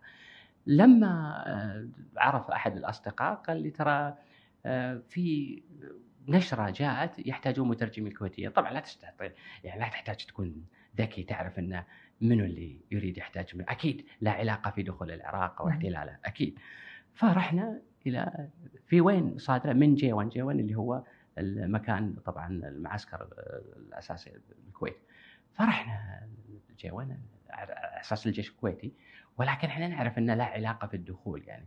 وإذا بالجيش البريطاني الأمر هو الذي يريد مترجمين. هل نتوقف؟ لو كان الشيطان نفسه يريد أن يدخل العراق ومعاه يعني سيت معاه يعني يسمح لي إني أجلس معاه راح أروح. أنا اللي أقصد انه لم يكن الهدف طبعا الخصوم الآخرين للأسف أنت إذا إذا عملت كمترجم إذا أنت مع هؤلاء ضد الحرب. ليس صحيح. والدليل إن الذي دونته في الكلام حول تجربتي كانت كلها كشف لكذب آه، الدعاية الإعلامية اللي اللي طرحوها طبعا الأمريكان والبريطانيين حول دخولها. لما دخلوا العراق أول شيء فعلوه تأمين النفط وتأمين حتى لا يصير حرائق حولها. كانت في بعض القرى تطلب الماء لأن تتوقف عنهم بعض المياه الأكل توقف لنا من, من, من لم يكترثوا في البدايات لهم اطلاقا لم يكترثوا. كان الأهم هو تأمين أمورهم الخاصة. بعد يعني محاولات وبعد ضغط وبعد كذا استطاعوا بالأخير إنهم يقدموا لهم المساعدات، طيب كيف تصل المساعدات مع ناس لا تتحدث اللغة الإنجليزية؟ يعني في في أمور صارت لا أريد أتحدث عنها الآن بس كتبتها أمور صارت لولا وجود مترجم مو بالضرورة أنا لا أريق الدماء زي بس؟ باختصار لأن زي التوا- إيش يعني؟ زي إيش؟ أنا أعطيك مثال. تخيل بعض الأشخاص يقبضون عليهم. الإنجليز أنفسهم لا يعرفون لغة هؤلاء الأشخاص، وهؤلاء الأشخاص ناس يعني أغلبهم غير متعلمين من قرى يعني غير متعلمين يعني ولا يعرف إلا لهجته فقط. فيصير سوء تفاهم بين الاثنين، أنت يعتقد مثلا البريطاني أن هذا السارق مم. وهذا يعتقد يقول ليش ماسك ليش تطقني أصلا؟ وضربه في بريطانيين خليك من سالفه حقوق الإنسان وكذا ضربوا ناس يعني كانوا كانوا في تعدي بشع على الإنسان في العراق لما دخلوا العراق نعم آه الأمر الآخر آه، لما مثلا يصير تفجير أنبوب. ويطلع الزيت النفط هذا برا الناس شو يسوون؟ لأن ما عندهم وقود شو يسوي؟ يروح تطلع كل القرية وتغرف من هذا السائل ال- ال- ال- اللي هو شديد الاشتعال. الآن المشكلة وين؟ يعني يأتيك الجيش البريطاني كله يحاوط المنطقة وصارت صارت معي شخصيا يحاوط المنطقة كلها ويقول تعال نادونا المترجم. الجيش البريطاني يقول لهم لو سمحتم برا الموضوع والثانيين هؤلاء يغرفون. طيب لو واحد يشعل بس سيجارة. راحوا كلهم يعني في في في وضع. يعني كان الوضع خطير. بحاجة إلى مترجم. أنت بحاجة إلى مترجم في مثل هذه الحالات. الناس هذه مو فاهمة ليش أنت محاوطها أصلا. عبالهم انه على أساس لا تسرق. هم ما يهمهم البريطاني تسرق وما تسرق. بس أي واحد يشعل سيجارة لأنه يشوف الناس قاعد تدخن. أي واحد يشعل سيجارة راحت ال- العالم كلها ماتت يعني فأقصد يعني في أمور أنت بحاجة إلى اللغة التواصل لغير غير مثلا اللي قبضوا عليهم بعضهم مساكين مدنيين والجيش البريطاني يقول لا أنت عسكري بس قطيت مثلا ملابسك أو كذا. مم. فتروح تسأل لهذا وتحاول قدر الإمكان. أعطيك مثال بس بسيط واحد. نعم. آه، كان من ضمنها كان صديق عبد الله معاي وصديق آخر. كان كانوا كنا يعني كنا الكويتيين اللي شاركنا كمترجمين. جاء يوم للتقرير. هل نبقي على هؤلاء الأشخاص؟ آه، يعني أم نطلق سراحهم من اللي قبضوا عليهم؟ طبعا بريطانيا ما قبض. أغلب اللي يقبضونهم الأمريكان يجلبونهم في المعسكرات لل- للبريطانيين. فعقدوا جلسة كبيرة طاولات وكذا واستقبال من؟ استقبال المحجوزين كلهم واحد ورا الثاني. فحتى يقررون هل أنت مدني أم عسكري؟ إذا عسكري تبقى، إذا مدني يطلقون سراحك. الآن اللعب وين؟ اللعب علينا إحنا الآن أنتم ترجعون آه شلون نخرج الأمر بحيث إنه حرام مدني هذا عرفت الفكرة؟ أعطيك مثال لما قال لي واحد مثلا ما حد عسكري مثلا اللي هو ضابط يقول هذا الشخص يدعي إنه بدوي ممكن تقول لنا فهد إنه هو بدوي أو لا؟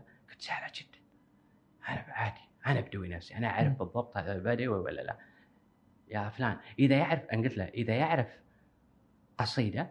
إذا هذا أكيد انه بدوي قصيدة إيش دعوة؟ قصيدة. بس من القصائد القديمة. يعني فسألته إيه، قلت له إيه، بعطيك الشطر الأول كمله لي كان يقول لي تفضل هذا ال- ال- الأسير. قلت له إيه، يا ناشد عني تراني؟ بيكمل. ما كمل. قال شيء غلط تماما. زين؟ من البيت؟ قلت له ممتاز. هذا مدني. كمل البيت. أنا أعتقد إني كذبت في هذه الحالة. ولكن أنا يعني بالنهاية هذا شخص يعني حتى لو كان عسكري يعني يعني هو ما يملك ارادته حتى يحاربك بالنهاية. هو في بلد يعني ارغم حتى كل عسكري حتى في بريطانيا العسكري ينفذ الاوامر بالتالي على أي أساس أنت تقيد حريته؟ لأنه هو لا يملك القرار بالنهاية. الذي يحبس المفروض المسؤول عن إقامة مثل هذه على وجود المأساة أساسها هي الحرب. فبالتالي آه، هذا مو بس الأبروتش مو بس المسار معني مسار زملائي الآخرين. كانوا يحاولون قدر الإمكان أن يحرفوا بال الكلام مال الاسرى بحيث يخرجون وخرجوا ناس كثر. فأقصد وجود مترجم للأسف فهم على طول هم يأخذون الليبل فقط. آه ترجم مع الجيش العراقي إذا مع الجيش البريطاني إذا هو مع الجيش البريطاني. هذا الكلام مو صحيح. الكلام يعني فيه تشويه مع الأسف للحقائق. كم كم قعدت في العراق؟ آه، من ثلاث إلى ستة أشهر تقريبا أربعة أشهر. وخرجت بعدها ورحت طلعت لي بعثه ومشيت رحت. كيف كانت التجربة يعني هناك؟ يعني من الأشياء اللي أنت شفتها والأشياء هل حققت صم هناك؟ هل حقق؟ يعني أنت الذهاب هناك عشان تبغى تدور نعم عشان تبغى تشوف تجربة أنت نعم. تتوقع أنها مهمة وكتبت نعم نعم. وجدت إنك وجدت اللي كنت تبغاه؟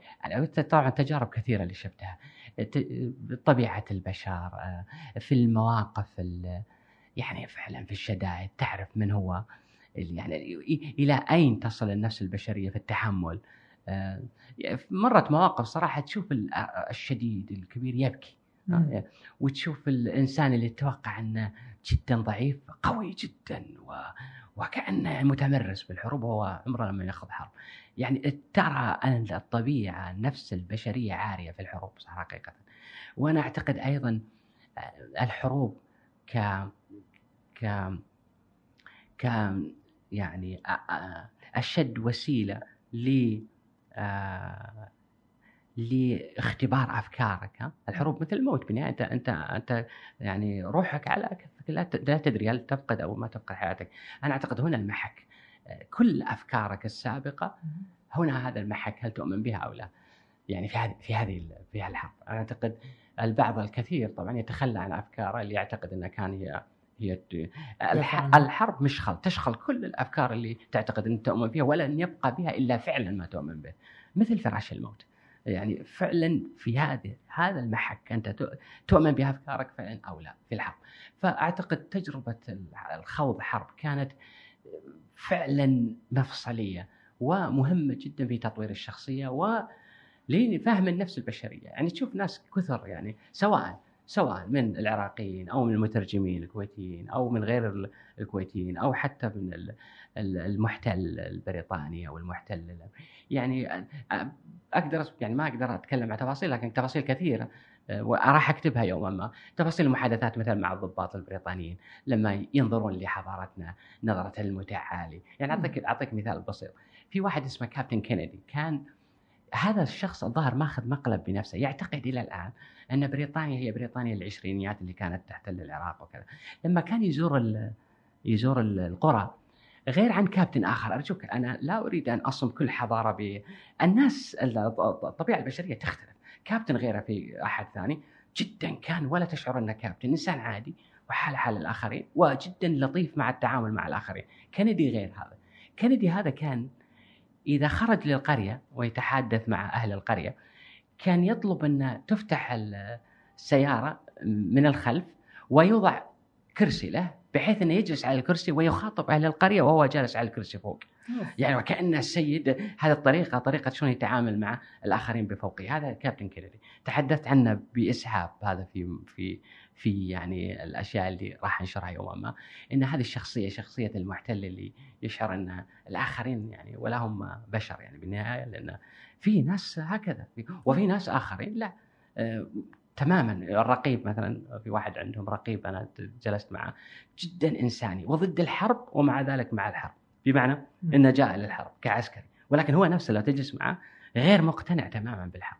تماما. غير مقتنع بالحرب فأقصد هذه النماذج اللي تشوفها هي الحياة بكل ألوانها بكل أشكالها بكل ما في أبيض وأسود ما في أنت مع أو ضد. في أمور يجب لا سهل, سهل جدا أن تقول أنا مع وضد وانت جالس في بيتكم. بس لما تخوض التجربة فعلا تعرف أن الأمور المنطقة الرمادية هي الشائعة. المنطقة الرمادية هي فعلا السائدة. ف يعني تفاصيل كثيرة لا أستطيع أن يعني أدخل فيها ب- أوكي. طيب هذه الأشياء متى راح تنشرها؟ أنا أعتقد إن لما تقاعد راح انشرها لأن في البدايات كان كان نشرتها على شكل قصة. واعتقدت إن لا لا تصلح على قصة يجب أن تنشر فعلا كما هي فتوقفت وراح أنشرها كما هي نعم في لحظة من اللحظات ندمت إنك رحت؟ ابدا. وأنت هناك؟ ابدا ابدا ابدا. كان خطر عليك؟ كان خطر نعم. آه. في البداية خاصة في البداية لأن القصف كان موجود. حتى بعض المقاومين كانوا يضربون طبعا ال- ال- المعسكرات. ف RPG مني كذا. يعني أحيانا أحيانا حتى عدد ال- المساجين اللي برا مثلا يكون أكثر من ال- اللي موجودين بالمخيم. من جنود ومن مترجمين. فبالتالي كان خطر أصلا على زيادة العدد كان خطر. أحيانا يعني أمور كثيرة صراحة كانت في خاصة في البدايات. كنا ننام في أماكن مقصوفة للتو. آه، وما كان ما كان مقصوف للتو يعني ال structure مالته ما كانت يعني أحيانا يعني ينهدم جزء من المكان وأنت لا زلت نايم فيه. يعني كانت في صراحة لكن كانت تجربة يعني فعلا فعلا يعني تفهم بعدها لماذا المثقفين الكبار كانوا ضد الحرب. فعلا لأن لأن الحرب فعلا تشوه. يعني يعني كلمة برنارد راسل مثلا برنارد راسل الشهير أن يعني الحرب لا تقرر من هو على صواب فقط من بقي على قيد الحياة. وفعلا الحرب فعلا لا تقرر من بق... من هو اللي أنت صح ولا أنا صح؟ لا لا. تقرر فقط من الذي يبقى أنا أو أنت. اذا هي البقاء للأقوى. وهذا قانون الغابة. إحنا بشر يعني المفروض إن ارتقينا على هذا القانون مفترض مم. طيب عن المثقفين نعم ففي في عن المثقفين في كثير أشياء نعم. في أشياء برضه تخصك أنت نعم بس أنت كتبت مرة أنه اسلاميا كان أو ليبراليا عندما يشعر المثقف بعجزه عن مقاومة السلطة مم. فإنه عادة ما يشغل وقته بتأمل تفاصيل ما وراء الطبيعة تارة وترصد توافل الأمور تارة نعم. أخرى آه وأما المشكلات المتعلقة بالحرية مم. المتعلقة بالعدالة الاجتماعية. فهذه مشكلات كلها. لا طاقة. آه لمن يرجو السلام بها. هل الآن. المفترض من المثقف أن يكون ثوري يعني مثلا لا لا لا هو شوف ثوري مو مقصود فيه ثوري ثوري ماديا ثوري م. بمعنى يعني ثو- ثورة لا لا ثوري بمعنى أنه فكرياً. فكريا إيه. اذا فكريا بمعنى أنه هو هو ما هو المثقف؟ المثقف مو اللي مو الإنسان اللي يعني اللي اللي يعني يجيد آه، مثلا القراءة ويعرف معلومات و ويشارك في مؤتمرات ويؤلف مسرحيات، لا لا هذا مو مثقف. هذا هذا انسان مبدع أو إنسان يعني متعلم. ولكن المثقف آه، حتى نعرف من هو المثقف فقط ل- ل- لأرسم لك لوحة لا يمكن أن تضع المثقف فيها. يعني لا- لابد أن يكون مختفيا. حتى تعرف لماذا المثقف أصلا موجود. تخيل مجتمع كامل مجتمع ملائكي وتحكمه سلطة ملائكية. كل شيء تمام. في هذه اللوحة لا تحتاج مثقف. لأن وظيفة المثقف هو مراقبة السلطة وفضح زيفها كلما آه، ارتكبت خطأ. هذا وظيفة المثقف. أن تقول الحق وتنصر المظلوم عندما ترى مثله. هذه وظيفة المثقف. أما أن أن نذهب إلى أبعد من ذلك ونحاول آه، أن أن, أن نقول لا أنا أريد أن أحافظ على الليبل هذا اللي أنا مثقف ولكن لا أريد أن أقوم بوظيفة المثقف. لا استريح بيتكم. يعني سم نفسك مبدع سم نفسك بس وظيفة المثقف هي هذه. اللي هي؟ اللي هي أن تقف إلى جانب ما تراه فعلا حقيقة وتقف مع المظلومين وتناصرهم في. قضاياهم. لا تستطيع أن تكون مثقف. مثقف مثقف كيف بدا كمفهوم كمفهوم كمصطلح بدا مع مع مع, مع, قضية الضابط آه، ال- طبعا آه، ال- ال- ال- ال- الفرنسي دريفوس مثلا لما طلع طلع مفهوم بيان المثقفين آه، آنذاك. في مجموعة من المثقفين الفرنسيين خرجوا ودافعوا عن هذا الضابط اللي يعتقدون إنه سجن لأسباب ما لها علاقة حقيقة ب ب ب بالخيانة لأنه اتهم بالخيانة وكذا. فلاحظ المثقفين في وقتها سموا بيانهم بيان المثقفين. ولد مفهوم المثقف اللي هو يقف مع المظلوم تجاه من ظلمه ضد من ظلمه يقف معه دائما. هذه وظيفة المثقف. وليس وظيفة المثقف أن أن يتحدث عن مفاهيم ويحاول أن ي... ي... ي... مثلا بعضهم يخلط بين وظيفة المثقف والمفكر. المفكر نعم يفكر في أمور مجتمعة ويحاول أن يفهم فهم نظري لها يحاول ربما له تطبيقات لفهم النظري يستغلها غير. هذا أمر طبيعي. لكن المثقف لا المثقف إنسان ذو رسالة. إنسان عليه واجب. يجب أن يقوم به. فللأسف في خلط بين الاثنين بين مثقف وبين إنك تكون أكاديمي أو متعلم ربما تنشر سبعين ألف كتاب لكن لست مثقف لأنك لم تقم بوظيفتك كمثقف. ماذا يعنيني أنا كشخص؟ أنت مثلا تكتب كتاب عن الحرية وأنت تقف مع القامع. ماذا يعنيني أنا مثلا إنك تحمل لقب مثقف وأنت إنسان آه، ترى المظلوم وتسكت لا تتحدث عن. المظلوم ولا إنت لست مثقف. كل شيء إلا مثقف.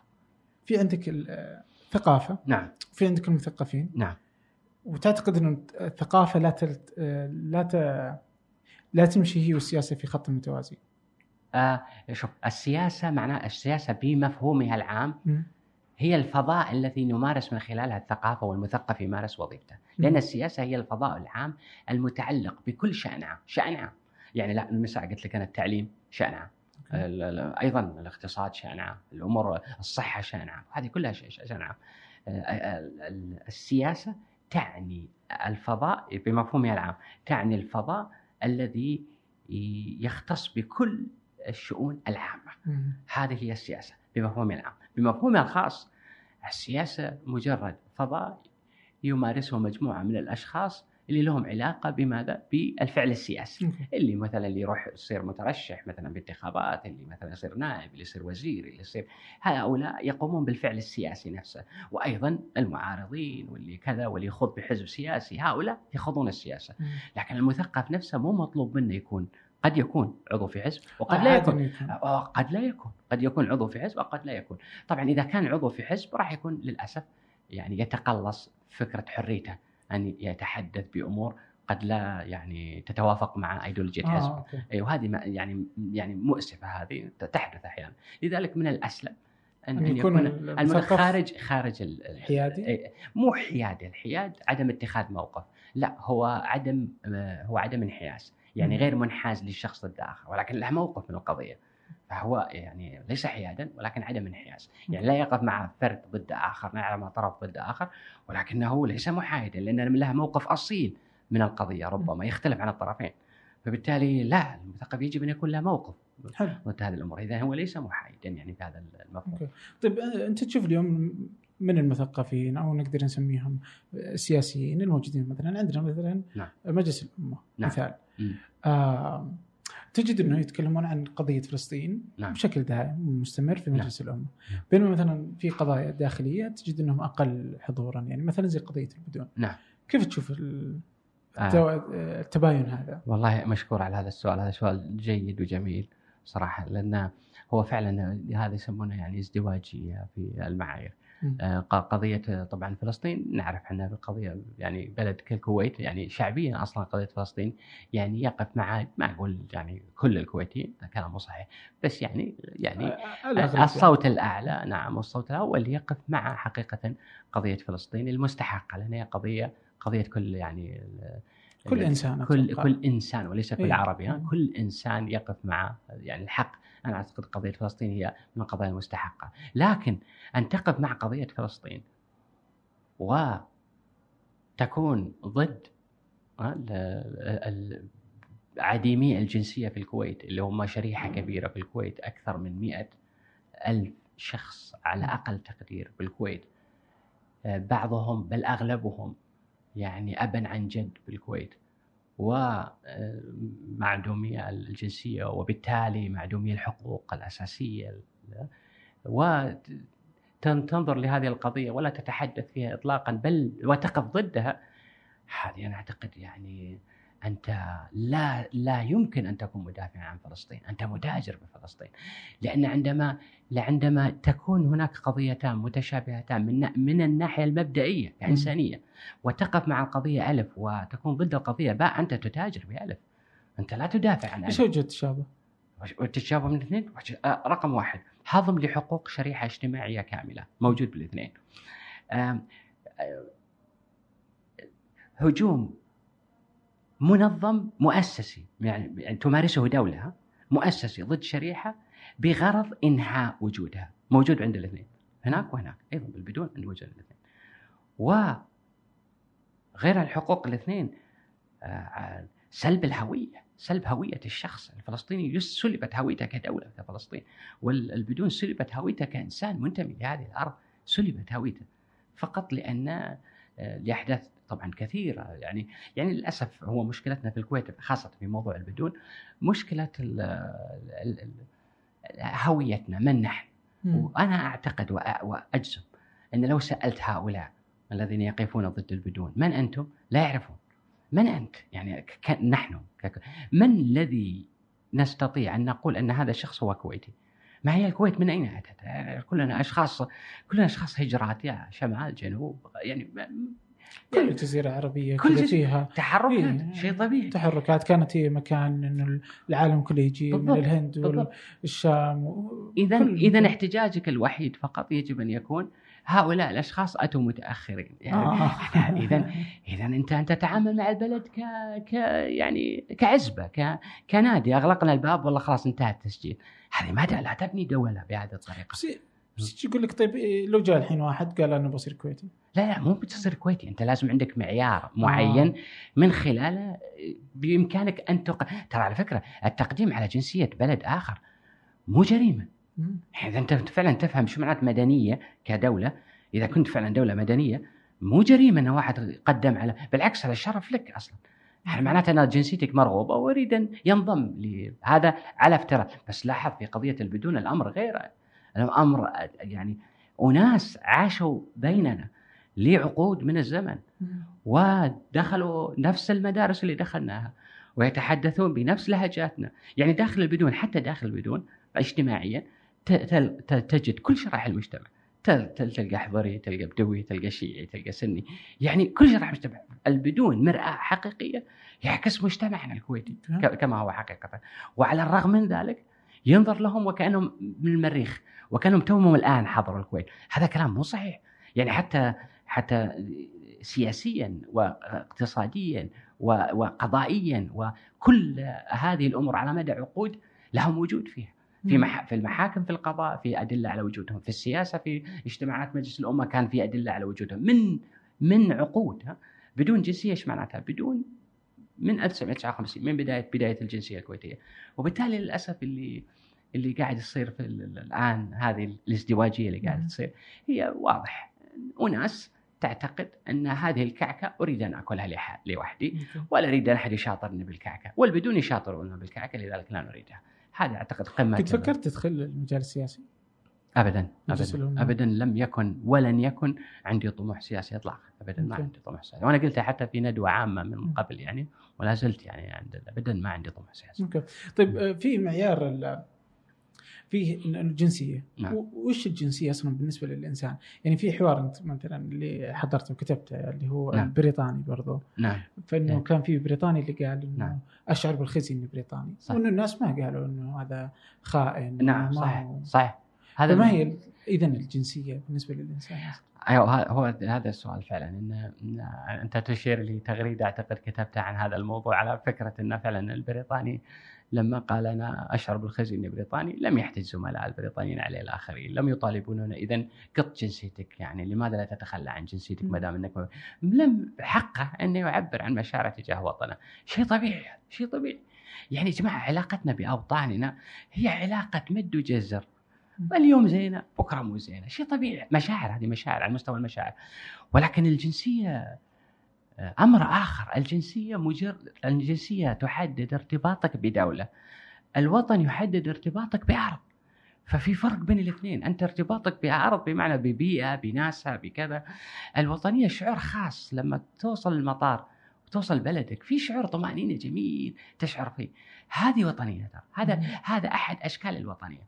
لما تشعر باطمئنان لما تشعر بأمان لما تشعر أن في ناس قائمة من الأشخاص المعينين ربما هذا ش... ربما تعبيري عن الوطنية متواضع جدا أنا آسف.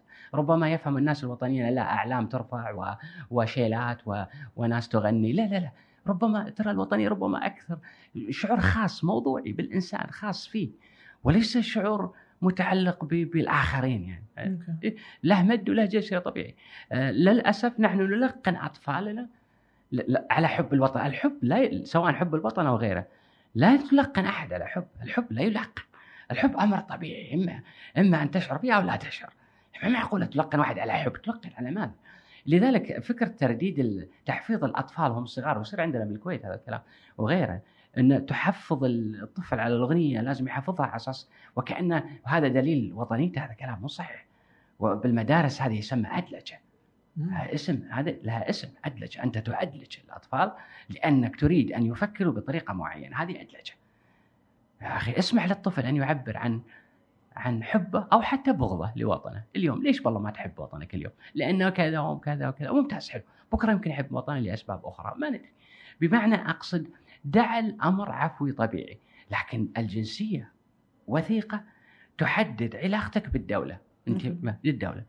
آه، لك ما عليك و- و- ولا عليك واجبات وعليك حقوق يعني ولك حقوق داخل هذا الإطار الجنسية. لكن لا نخلطها بالوطنيه الوطنية. علاقة موضوعية وليست علاقة وضعية. هذا إيش تحددها القانون؟ علاقة وضعية. هذه علاقة موضوعية ما يحددها القانون. هذا اللي اقصده أوكي نعم. طيب جميل يعني في في, آه، الآن كذا يعني فهد إذا ذكره يعني في قضية آه، البدون إنها حاضرة نعم. في في حديثك دائما وفي اللي هو تشومسكي إيه. إيه. ف... فلا تكاد إنك آه، تخرج عن عنه فحتى إنه في اللي يقول ال- الذي الذي اراه. أن هو أن هذا المطيري. مغرم بهذا الملحد آه، مطيري مغرم بملحد إيه. إيه إيه مم. إلى حد. بين كذا.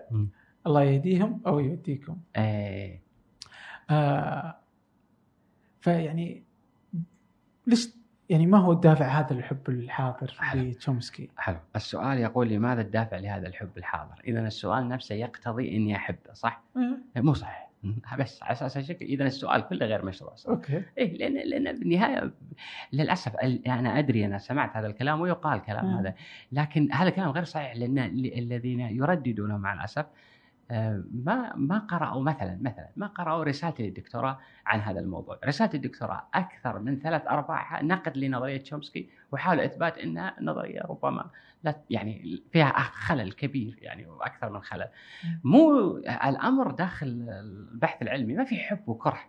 هو أمر مجرد يعني يعني أنت تنشد الحقيقة بغض النظر من يمتلكها. إن أوكي. شاء الله الشيطان يمتلكها. راح أقول الشيطان صح. يعني الشيطان يقول واحد زائد واحد يساوي اثنين يقول لا غلط لأنك شيطان مثلا. ما له علاقة. الهويه ما. إذا قال تشومسكي شيء صحيح تشومسكي صدق. إذا قال تشومسكي أعتقد شيء غير صحيح أقول تشومسكي غير صحيح. ما في تأليه للأمر.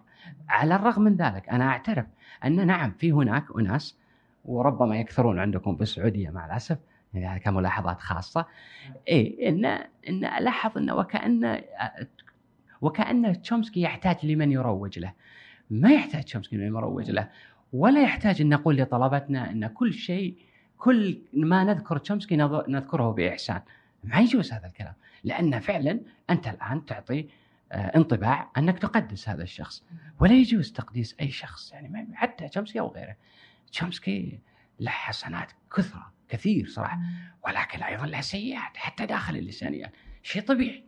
يعني يعني لولا مثلا وجود تشومسكي لما شفت حروب كثيرة داخل اللسانيات سبتها كان تشومسكي. لأن شخصية تشومسكي شخصية تجعل هناك استقطاب يا مع أو ضد مع الأسف مع الأسف. وأنا شخصيا عانيت منها لأسباب أخرى متعلقة بنشر أصلا دكتوراه مالتي بهذا السبب. يعني لي هل تنشر أو ما تنشر؟ لهذا السبب. أنت مع أو ضد؟ حقيقه هذا اللي صار معي. يعني أكثر من أكثر من سنة يعني على على مستوى على مستوى أقصد جامعات يعني عريقة مثلا للأسف أن يصل الوضع إلى هذا الوضع. انه يا مع تشومسكي أو ضد أعطيك بس مثال بسيط. لما لما نشر لما لما خلصت الرسالة كان اللي يمتحني ال examiner يعني big name يعني إنسان يعني يعني معروف بال field. آه، ف فلما خلصت قال لي تبي تنشر هذا الرسالة. أنا اعتقدت أنا اعتقدت كآخرين إنك عادة لما تخلص الدكتوراه إنك تنشر منها مقاطع عرفت؟ ك papers يعني كتنشر ورقة. فقلت لا هي أكيد بنشرها يعني على يعني لاحقا على قال no no قال ما أقصد هذا the whole thing كل شيء. تبي تنشره؟ قلت لا والله ما أدري ما فكرت انها راح تنشر يعني يوم ما. قال طيب okay. بعدها بيومين فقط وصل إيميل منه هو الشخص ال external اللي هو الممتحن الخارجي. وصل منه رسالة طلع وين؟ طلع بال board مال Cambridge University Press مال جامعة كامبريدج أنا أنا حقيقة وقتها لم أكن اعرف أنا وقتها لما أن هذا الجزء بس أدري إنه مصك في يعني ممتاز في في في في في في مجاله. لذلك أنا لذلك دائما أقول طلبة الدكتوراه أرجوكم إذا كنت فعلا تاعب على الدكتوراه اختار examiner قوي. okay. لأن القوي هو اللي فعلا يعني يعني يمتحنك. هذا السبب إنها نشرت في دار هذا؟ السبب هذا السبب. لأنه هو طلع في ال board فهو ال board سوى عشان يقول شوف إحنا عندنا board في جامعة كامبريدج ان ننشر ما عندنا سياسة ما ننشر ما ننشر رسائل. الدكتوراه توقفنا عن هذا الأمر. لكن هذه الرسالة سوف أساهم بأنها تنشر لأنها لازم تنشر. هو هذا رأيه. فطلب. طبعا أساس إذا تنشر الرسالة أو ما تنشر لازم تسوي؟ طبعا آه، آه، ترسلها للمحكمين تعرف نظامه يعني كامبريدج معروفين بهذا من ناحية إنه حيل بحر- بحرفية يسوونها أرسلوها للمحكمين يعني. فطلبوا مني قبل ذلك أسوي contract معهم. وقعت العقد. وأعطوني أكثر من سنة لإضافة chapter معين فصل وتغيير بعض الأمور داخل حتى تتناسب مع نشرها ككتاب ضمن منشورات كامبريدج. قلت okay وفعلا اشتغلت عليها؟ ودزيت لهم ال manuscript يعني ودزيت المنسوخ. لما وصل لهم أشوف اللي يقول لك وين استقطاب تشومسكي وين وصل مع الأسف. لما بعثوا ل- ل- ل- للمحكمين اثنين بعثوا مم. للمحكمين اثنين جاءتني الردود طبعا ال- ال editor تكلمني في الإيميل تدز لي رسالة قالت للأسف آه، وصل أنا يوم قالت للأسف قلت خلاص رفضوها ال editor ما دام رفضوها ما راح تنشر خلاص وإذا بالأمر لا مو هكذا. في واحد من المحكمين يقول لهم هذا هذه لا ما تنشر. إي هذا ما تنشر ونزل بالرسالة نزلة لأنك ان أنا فهمت ليش نزل بعدين للأسف ما كنت أدري وقتها بس بعدين فهمت ليش نزل بالرسالة هو هذا المحكم. وعلى عندي تقريبا 90% يعني دليل إنه هو نفسه اللي أنا انتقده بالفصل الأول أوكي. من الكتاب، إيه. ف- ففكرة ان ان إن تعارض مصالح ما يصير أصلا من الأول يبعثونها لهذا المحكم. مم. للأسف. وهذا الكلام بعدين عرفته يعني. لكن آه، المحكم الآخر لو هذا المحكم الأول اللي رفضها تشومسكي حل حل حل مناصر لتشومسكي. ومعروف ها؟ اسم بيج نيم يعني في أمريكا. الاسم الآخر واحد ألد أعداء تشومسكي. ما يحب تشومسكي خير شر. شو يقول؟ هذه ليش أصلا معطلينها ما ما نشرتوها؟ تنشرونها شوف ك- كلاهما صراحة لم يبني رأيه بطريقة موضوعية. أنا هذا تصوري صراحة. أنا قرأت ال- الردود ال- ماله. آه، واحد يقول لك أنت آه، أنت لم تكن آه، مثلا أنت أنت لا يجوز لك أن تنقد نظرية تشومسكي، الآخر يقول لك أنت لم تنقدها بصورة كافية. يعني يا ليتك نقد بعد أكثر وبالتالي انشر. بالعكس هذا كلام المفروض يطلع. حلو. هذا يريدني أن أنشر وهذا يريدني أن أنشر، ما أدري صراحة. أنا. يعني يعني فسوت كامبريدج. صراحة كانوا حكيمين بهذا الأمر، رفضوا الاثنين وأعادوا مرة أخرى تحكيمها لمحكمين مختلفين. حلو. جاءت كلاهم الاثنين اللي ما لهم علاقة الآن. شوف لاحظ المحكمين الاثنين ما لهم علاقة. خير شر بتشومسكي حكموا وكلاهما قالوا يجب أن تنشر. فنشرت لهذا السبب. الآن لاحظ لو كامبريدج لم يعني تقوم بهذه الصراحه المسألة وقالت طيب انتهى خلاص واحد يقول إيه واحد يقول انتهى خلاص. وانت خلاص ضحيه الاستقطاب من يكون؟ يكون الشخص اللي قام بكذا ولم تنشر السبب. كم من الآخرين غيري لم تنشر أبحاثهم حتى في مجلات عادية فقط لأنه ربما مو متماشي مع هواء النظرية. يعني للأسف الأكاديمية يعني عالم الأكاديمية بشكل عام للأسف في بعض الحقول العلمية يتحول إلى أشبه ب يعني آه، مذاهب دينية مع الأسف ها؟ لها رموزها ولها كذا والتناحر ما بينها ولم يعد الوصول للحقيقة المهم هو المهم أنت معي أو ضدي وللأسف ال- هذا الداء قاعد ينتشر الآن في حقول أكاديمية كثيرة، لا نأتي نحن الآن ونروج ونقوم بنفس الفكرة ونحاول نقول للأسف أنا إذا كنت أعطيت نفس ال- إذا ال- الأشخاص بعض يرون عندي انطباع إني أعشق تشومسكي هذا كلام مو صحيح. تشومسكي إنسان يستحق فعلا الإعجاب به لما قام به يعني ما حد يقدر ينكر هذا الدور. لكن الإعجاب شيء وعدم الإنكار على الشيء الشخص الثاني. ولا كنت أنت كنت عبد بالنهاية. وتشومسكي أنا قلت لك لو تقرأ الرسالة الفصل الثالث والرابع والخامس نقد للنظرية أصلا. وإلى الآن يعني أكتب في بعض البحوث اللي هذا أنتقد فيها شيء طبيعي حقي اني انتقد إلى اراه صحيح أو خاطئ شيء طبيعي. أما على المستوى الشخصي لا أعرف الرجل على المستوى الشخصي حتى أحبه وأكرهه. في بيننا مراسلات أثناء مرحلة الدكتوراه طويلة ولكن غير هذا لم ألتقي بحياتي يوما يعني بالتالي شلون شلون تحب واحد ما شفته؟ وتكره واحد ما شفته يعني. طيب جميل. ال- الحين العلوم اللسانيات والعلوم مثلا الفلسفة وغيرها من العلوم الإنسانية نعم. قديش مهمة عندنا يعني؟ ليش مهمة؟ قديش إنها مهمة؟ آه الفلسفه العلم قصدك يعني؟ وال... العلوم الإنسانية. العلوم الإنسانية. غير العلوم. آه أوكي. العلوم التطبيقية. ل- ل- إلى أي مدى؟ هي غير موجودة يعني إيه. أو إنها تؤخذ على أنها درجة أقل. إيه. فأنت أهم شيء العلوم التطبيقية اللي هي مثلا آه نعم نعم صح صح. صح. أما هذه فهي درجة أخرى صحيح. درجه الدنيا. الدنيا صحيح. كلام سليم. لأن لأن بالنهاية لاحظ أنت الآن يعني لاحظ حتى مجتمعنا الآن. مجتمعنا شنو الأشياء اللي اللي أكثر حرص الناس عليها؟ التطبيقات، ماذا نستورد من الغرب؟ تطبيقات، أوكي. السيارة، ال- ال- ال- التلفزيون، جوال. ال- الجوال، ال- كل هذه الأمور. أنت يعني تطبيقات العلم، بس العلم نفسه أنا أشك إنه قاعد نستورده، بل بالعكس نحارب فكرة إنك تستورد الفكرة، الفكرة إيه، الفكرة خطيرة ترى. أخطر شيء الفكرة. لكن اللي اللي التطبيق هو اللي يعني اسأل الناس العاديين. أنت طيب التليفون هذا هل فكرت شلون بدأ؟ ما يهمه يهمه إنه يشتغل التليفون يهمه إنه آخر موديل يهمه لماذا؟ لأن للأسف هذا هذا جوهر المجتمعات الاستهلاكية، مجتمع يستهلك عايش على غيره ولا يحاول أن يأتي إلى قلب الفكرة يعني عفوا كان عندك شيء؟ آه لا لا يعني يجي مم. بقول هل معقول إنه العرب مم. عندهم هذه المشكلة جينيا يعني لا، لا،. أتذكر انك ذكرت مثلا لا. كيف كانت آه، يعني يوم جاء قرطبة لا لا نابليون لل اي اي اي لمصر إنه أخذوا أوه إيش اللي عندك أعطني إياه بالضبط، المساله بس بالضبط. اليابانيين ما كان عندهم إيه، هذا الشيء بالضبط صدق يعني إيه. والحين إحنا نستهلكه بس بطريقة مختلفة يعني معقولة نعم هذه؟ نعم لما لما دخل نابليون طبعا نابليون حملة الاحتلال مم. كانت حملة طبعا يعني هو كان يحاول أن يعني دخوله مع علماء آه، العلماء بأكثر من حقل علمي جابهم لمصر على أساس يعني تشو اوف يعني أنت عارف اللي يعني- يعني يتباهى إن هذه حضارة صدمة حضارية شكلت. ولكن هي مو صدمة بمعنى إن بالنهاية هو فعلا ال- اللي صار انه أخذنا نحاول أن نقلد نقلدهم بثمار نحصل على ثمار ما ما وصلوا إليه. من دون معرفة طيب كيف ما هي ال- البذرة التي أدت لهذه الثمار اللي هو المنهج العلمي؟ ابدا لم نحرص عليه. حرصنا فقط على قطف الثمار. وبالتالي دخلت المطبعة مصر دخلت الكذا دخلت فكرة يعني ال- ال- المعاهد الجديدة تعلم اللغات في مصر دخلت دخلت الآلة دخلت يعني كل الأمور هذه اللي استوراد لثمار الحضارة وليس لبذرة كيف وصل لهذا. شنو البذرة؟ بذرة المنهج العلمي.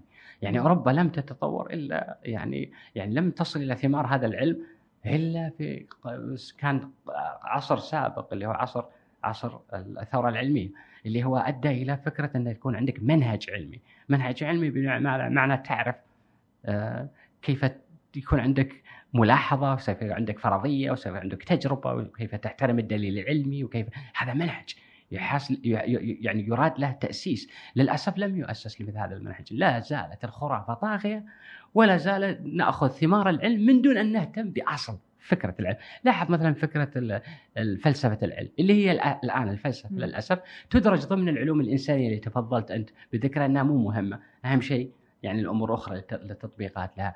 الفلسفة لم تكن يوما ما يعني متباعده عن العلوم بما فيها الفيزياء وبما فيها يعني الفيزياء نفسها كانت اسمها الفلسفة الطبيعية فلسفة الطبيعه ها؟ يعني يعني يعني أكثر من ذلك قرب الفلسفة للعلوم أكثر من هكذا. الآن انتقلت إلى مرحلة العلوم الإنسانية وكأن يعني حتى لو تشوفها في الجامعات وكأنها جامعات أقصد جامعات جامعات ربعنا يعني وكانها يعني قسم قسم الآداب فلسفة. الفلسفة كانت كانت على عرش العلوم كلها يعني لها علاقة بكل العلوم.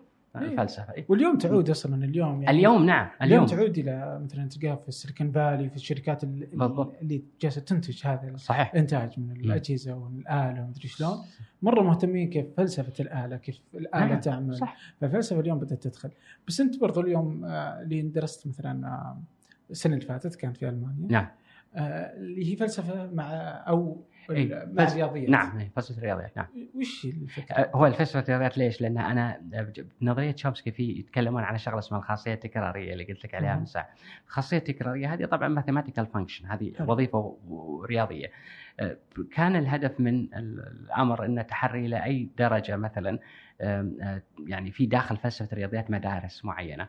أنا بشوف إلى اي إلى أي مدى يلتقي تلتقي فلسفة الرياضيات لأي مدى يدعم فلاسفة الرياضيات ما نسمعه من حوار يدور على مستوى آه، اللسانيات آه، على طبيعة مثلا اللغة من ناحية إن اللغة هل هي آه، كائن مجرد كينونه مجردة ولا طبيعية مثلا.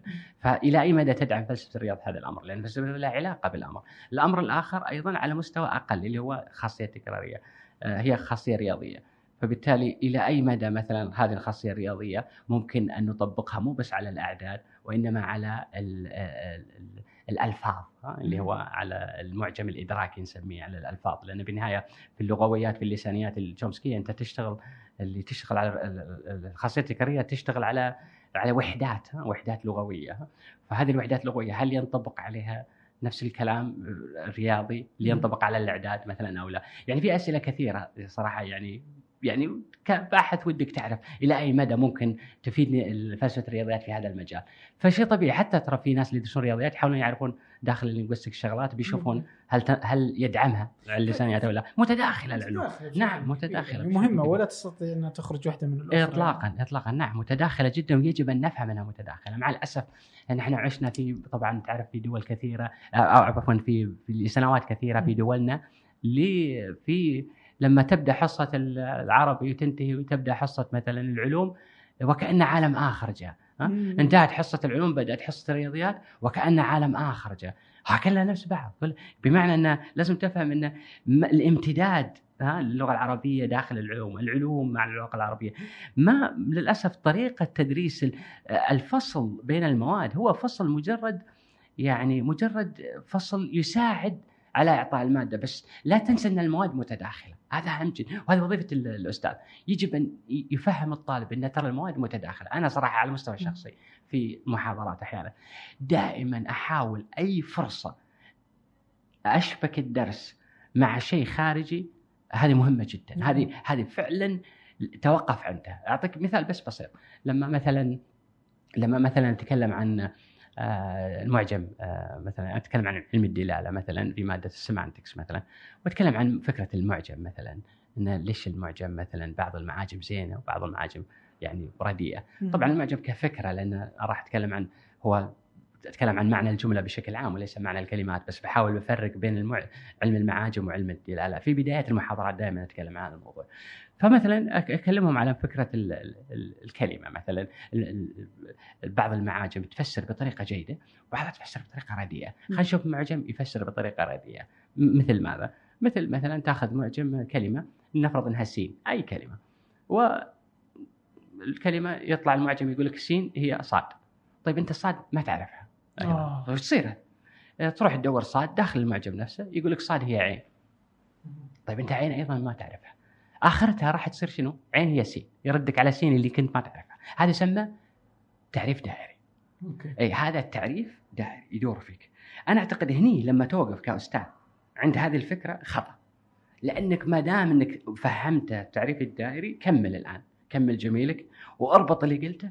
طيب ما ما علاقة هذا في واقعنا الخارجي. لا لا, لا كبير لأن لأن التعريف الدائري مشابه للتفكير الدائري لما نفكر بطريقة دائرية. آه، فبالتالي أعطيهم مثلا شغلات صارت معي شخصيا أو شغلات مثلا قصص أو اللي يصير. أعطيك مثال صار معي شخصيا مثلا له علاقة بالتعريف الدائري حلو. لكن علاقة بالتفكير الدائري. صفت مرة سيارتي أمام جمعية مثلا وفعلا شفت شخص صغير عمره 11 سنة يقول للشخص الثاني لا تكذب لا تكذب. هذا الأخلاقي ال- العجيب عمره 11 سنة يقول لا تكذب مثلا. فحقيقة يعني استوقفني فضول. قلت له بابا تعال ليش؟ قلت له لا لا تكذب مثلا. شنو السبب يعني؟ قال لأن قال لأن الكذب حرام. قلت له ممتاز. حلو. بس ليش الكذب حرام؟ كان يقول لأن الله قال هكذا. قلت له ممتاز. طيب ليش الله قال قال لأنه مذكور بالقرآن. طفل صغير قلت له طيب ممتاز. ليش لأنه ليش لأنه مذكور بالقرآن يعني؟ كان يقول لأنه حرام. كذب. فلاحظ بدأ بحرام خلاص ورد مرة ثانية بحرام. هذا تفكير دائري. نفس التعريف الدائري. تبدأ بشيء ثم تدور وتنتهي إلى ما كنت تجهله في البداية. هذا التفكير الدائري اذا التفكير الدائري مشابه للتعريف الدائري. كيف نتخلص من التفكير الدائري؟ لهذا السبب موجود عندنا منطق. في المنطق عندنا. مقدمات حتى تصل لنتيجه لهذا السبب عندنا معطيات في الرياضيات حتى تصل إلى برهان. لهذا السبب تبدأ بفرضيات حتى تصل إلى دل. يعني دائما لازم تبدأ بشيء. بدون ما تبدأ بشيء تسلم بحقيقته عمرك ما راح تبني أي بناء.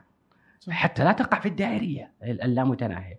لهذا السبب تفهم لماذا أنت تبدأ بمقدمات. مهم جدا تبدأ بمقدمات. تسلم بصحتها لترى ماذا يترتب عليها. هذا السبب في المنطقة يعني أهمية المنطق يأتي هكذا. للأسف أننا يعني تعرف عندنا في تعليمنا. آه، من تقول للطالب لنفترض؟ يقول لك لنفترض. إيه، يعني ما صار. لا حول ولا افتراض مهم. يعني بدون الافتراض لا تقوم علوم. يعني هذا غريب. يعني فكرة الافتراض فعلا. يعني فعلا فعلا نحن أعداء الرمزية. يعني شعوبنا مع الأسف خاصة عندنا في عداء للرمزية بشكل غير طبيعي. يا الشيء صح أنا أعطيك مثال. حاول الإنسان جاد كبير بالسن قول له حادثة طريفة هي نكتة بس لا تقول له نكتة. قول له الحادثة الطريفة خليه يضحك. أول ما يضحك قول له ترى نكتة مو صحيح يضيق خلقه. يحس انك يحس إنك وكانك وكأنك غدرت فيه انه إنه ما يصير. المفروض تقول له صحيح. وكأنه جواز إنه يضحك إنه ما تكون نكتة إنه يكون شيء صح حقيقي صار. يعني في حرص على ان ما تسمعه يجب ان يكون دائما لاحظ مثلا رمي الجمرات مثلا في يعني في ناس يضربون يعتقدون اعتقاد كلي أن الذي يضربونه الآن هو الشيطان نفسه. يعني مو يجسد فكرة رمزية. لا لا ما- ابدا. ولذلك تسمع السباب واللعان وكلها منك يا الشيطان يعني يخاطبه يخاطبه كأنه يخاطب إنسان يعني كائن أمامه. فعداء واضح لشيء أي شيء اسمه رمزي. فبالتالي إذا عندك هذا العداء الرمزية أكيد تحت تعترض في الفصل على إنه لو قال أستاذك لنفترض؟ يعني ما المأساة صراحة. طيب آه شكرا والله. حياك. ممتن للوقت اللي اعطيتنا أنا ممتن لكم. شكراً. حياكم الله.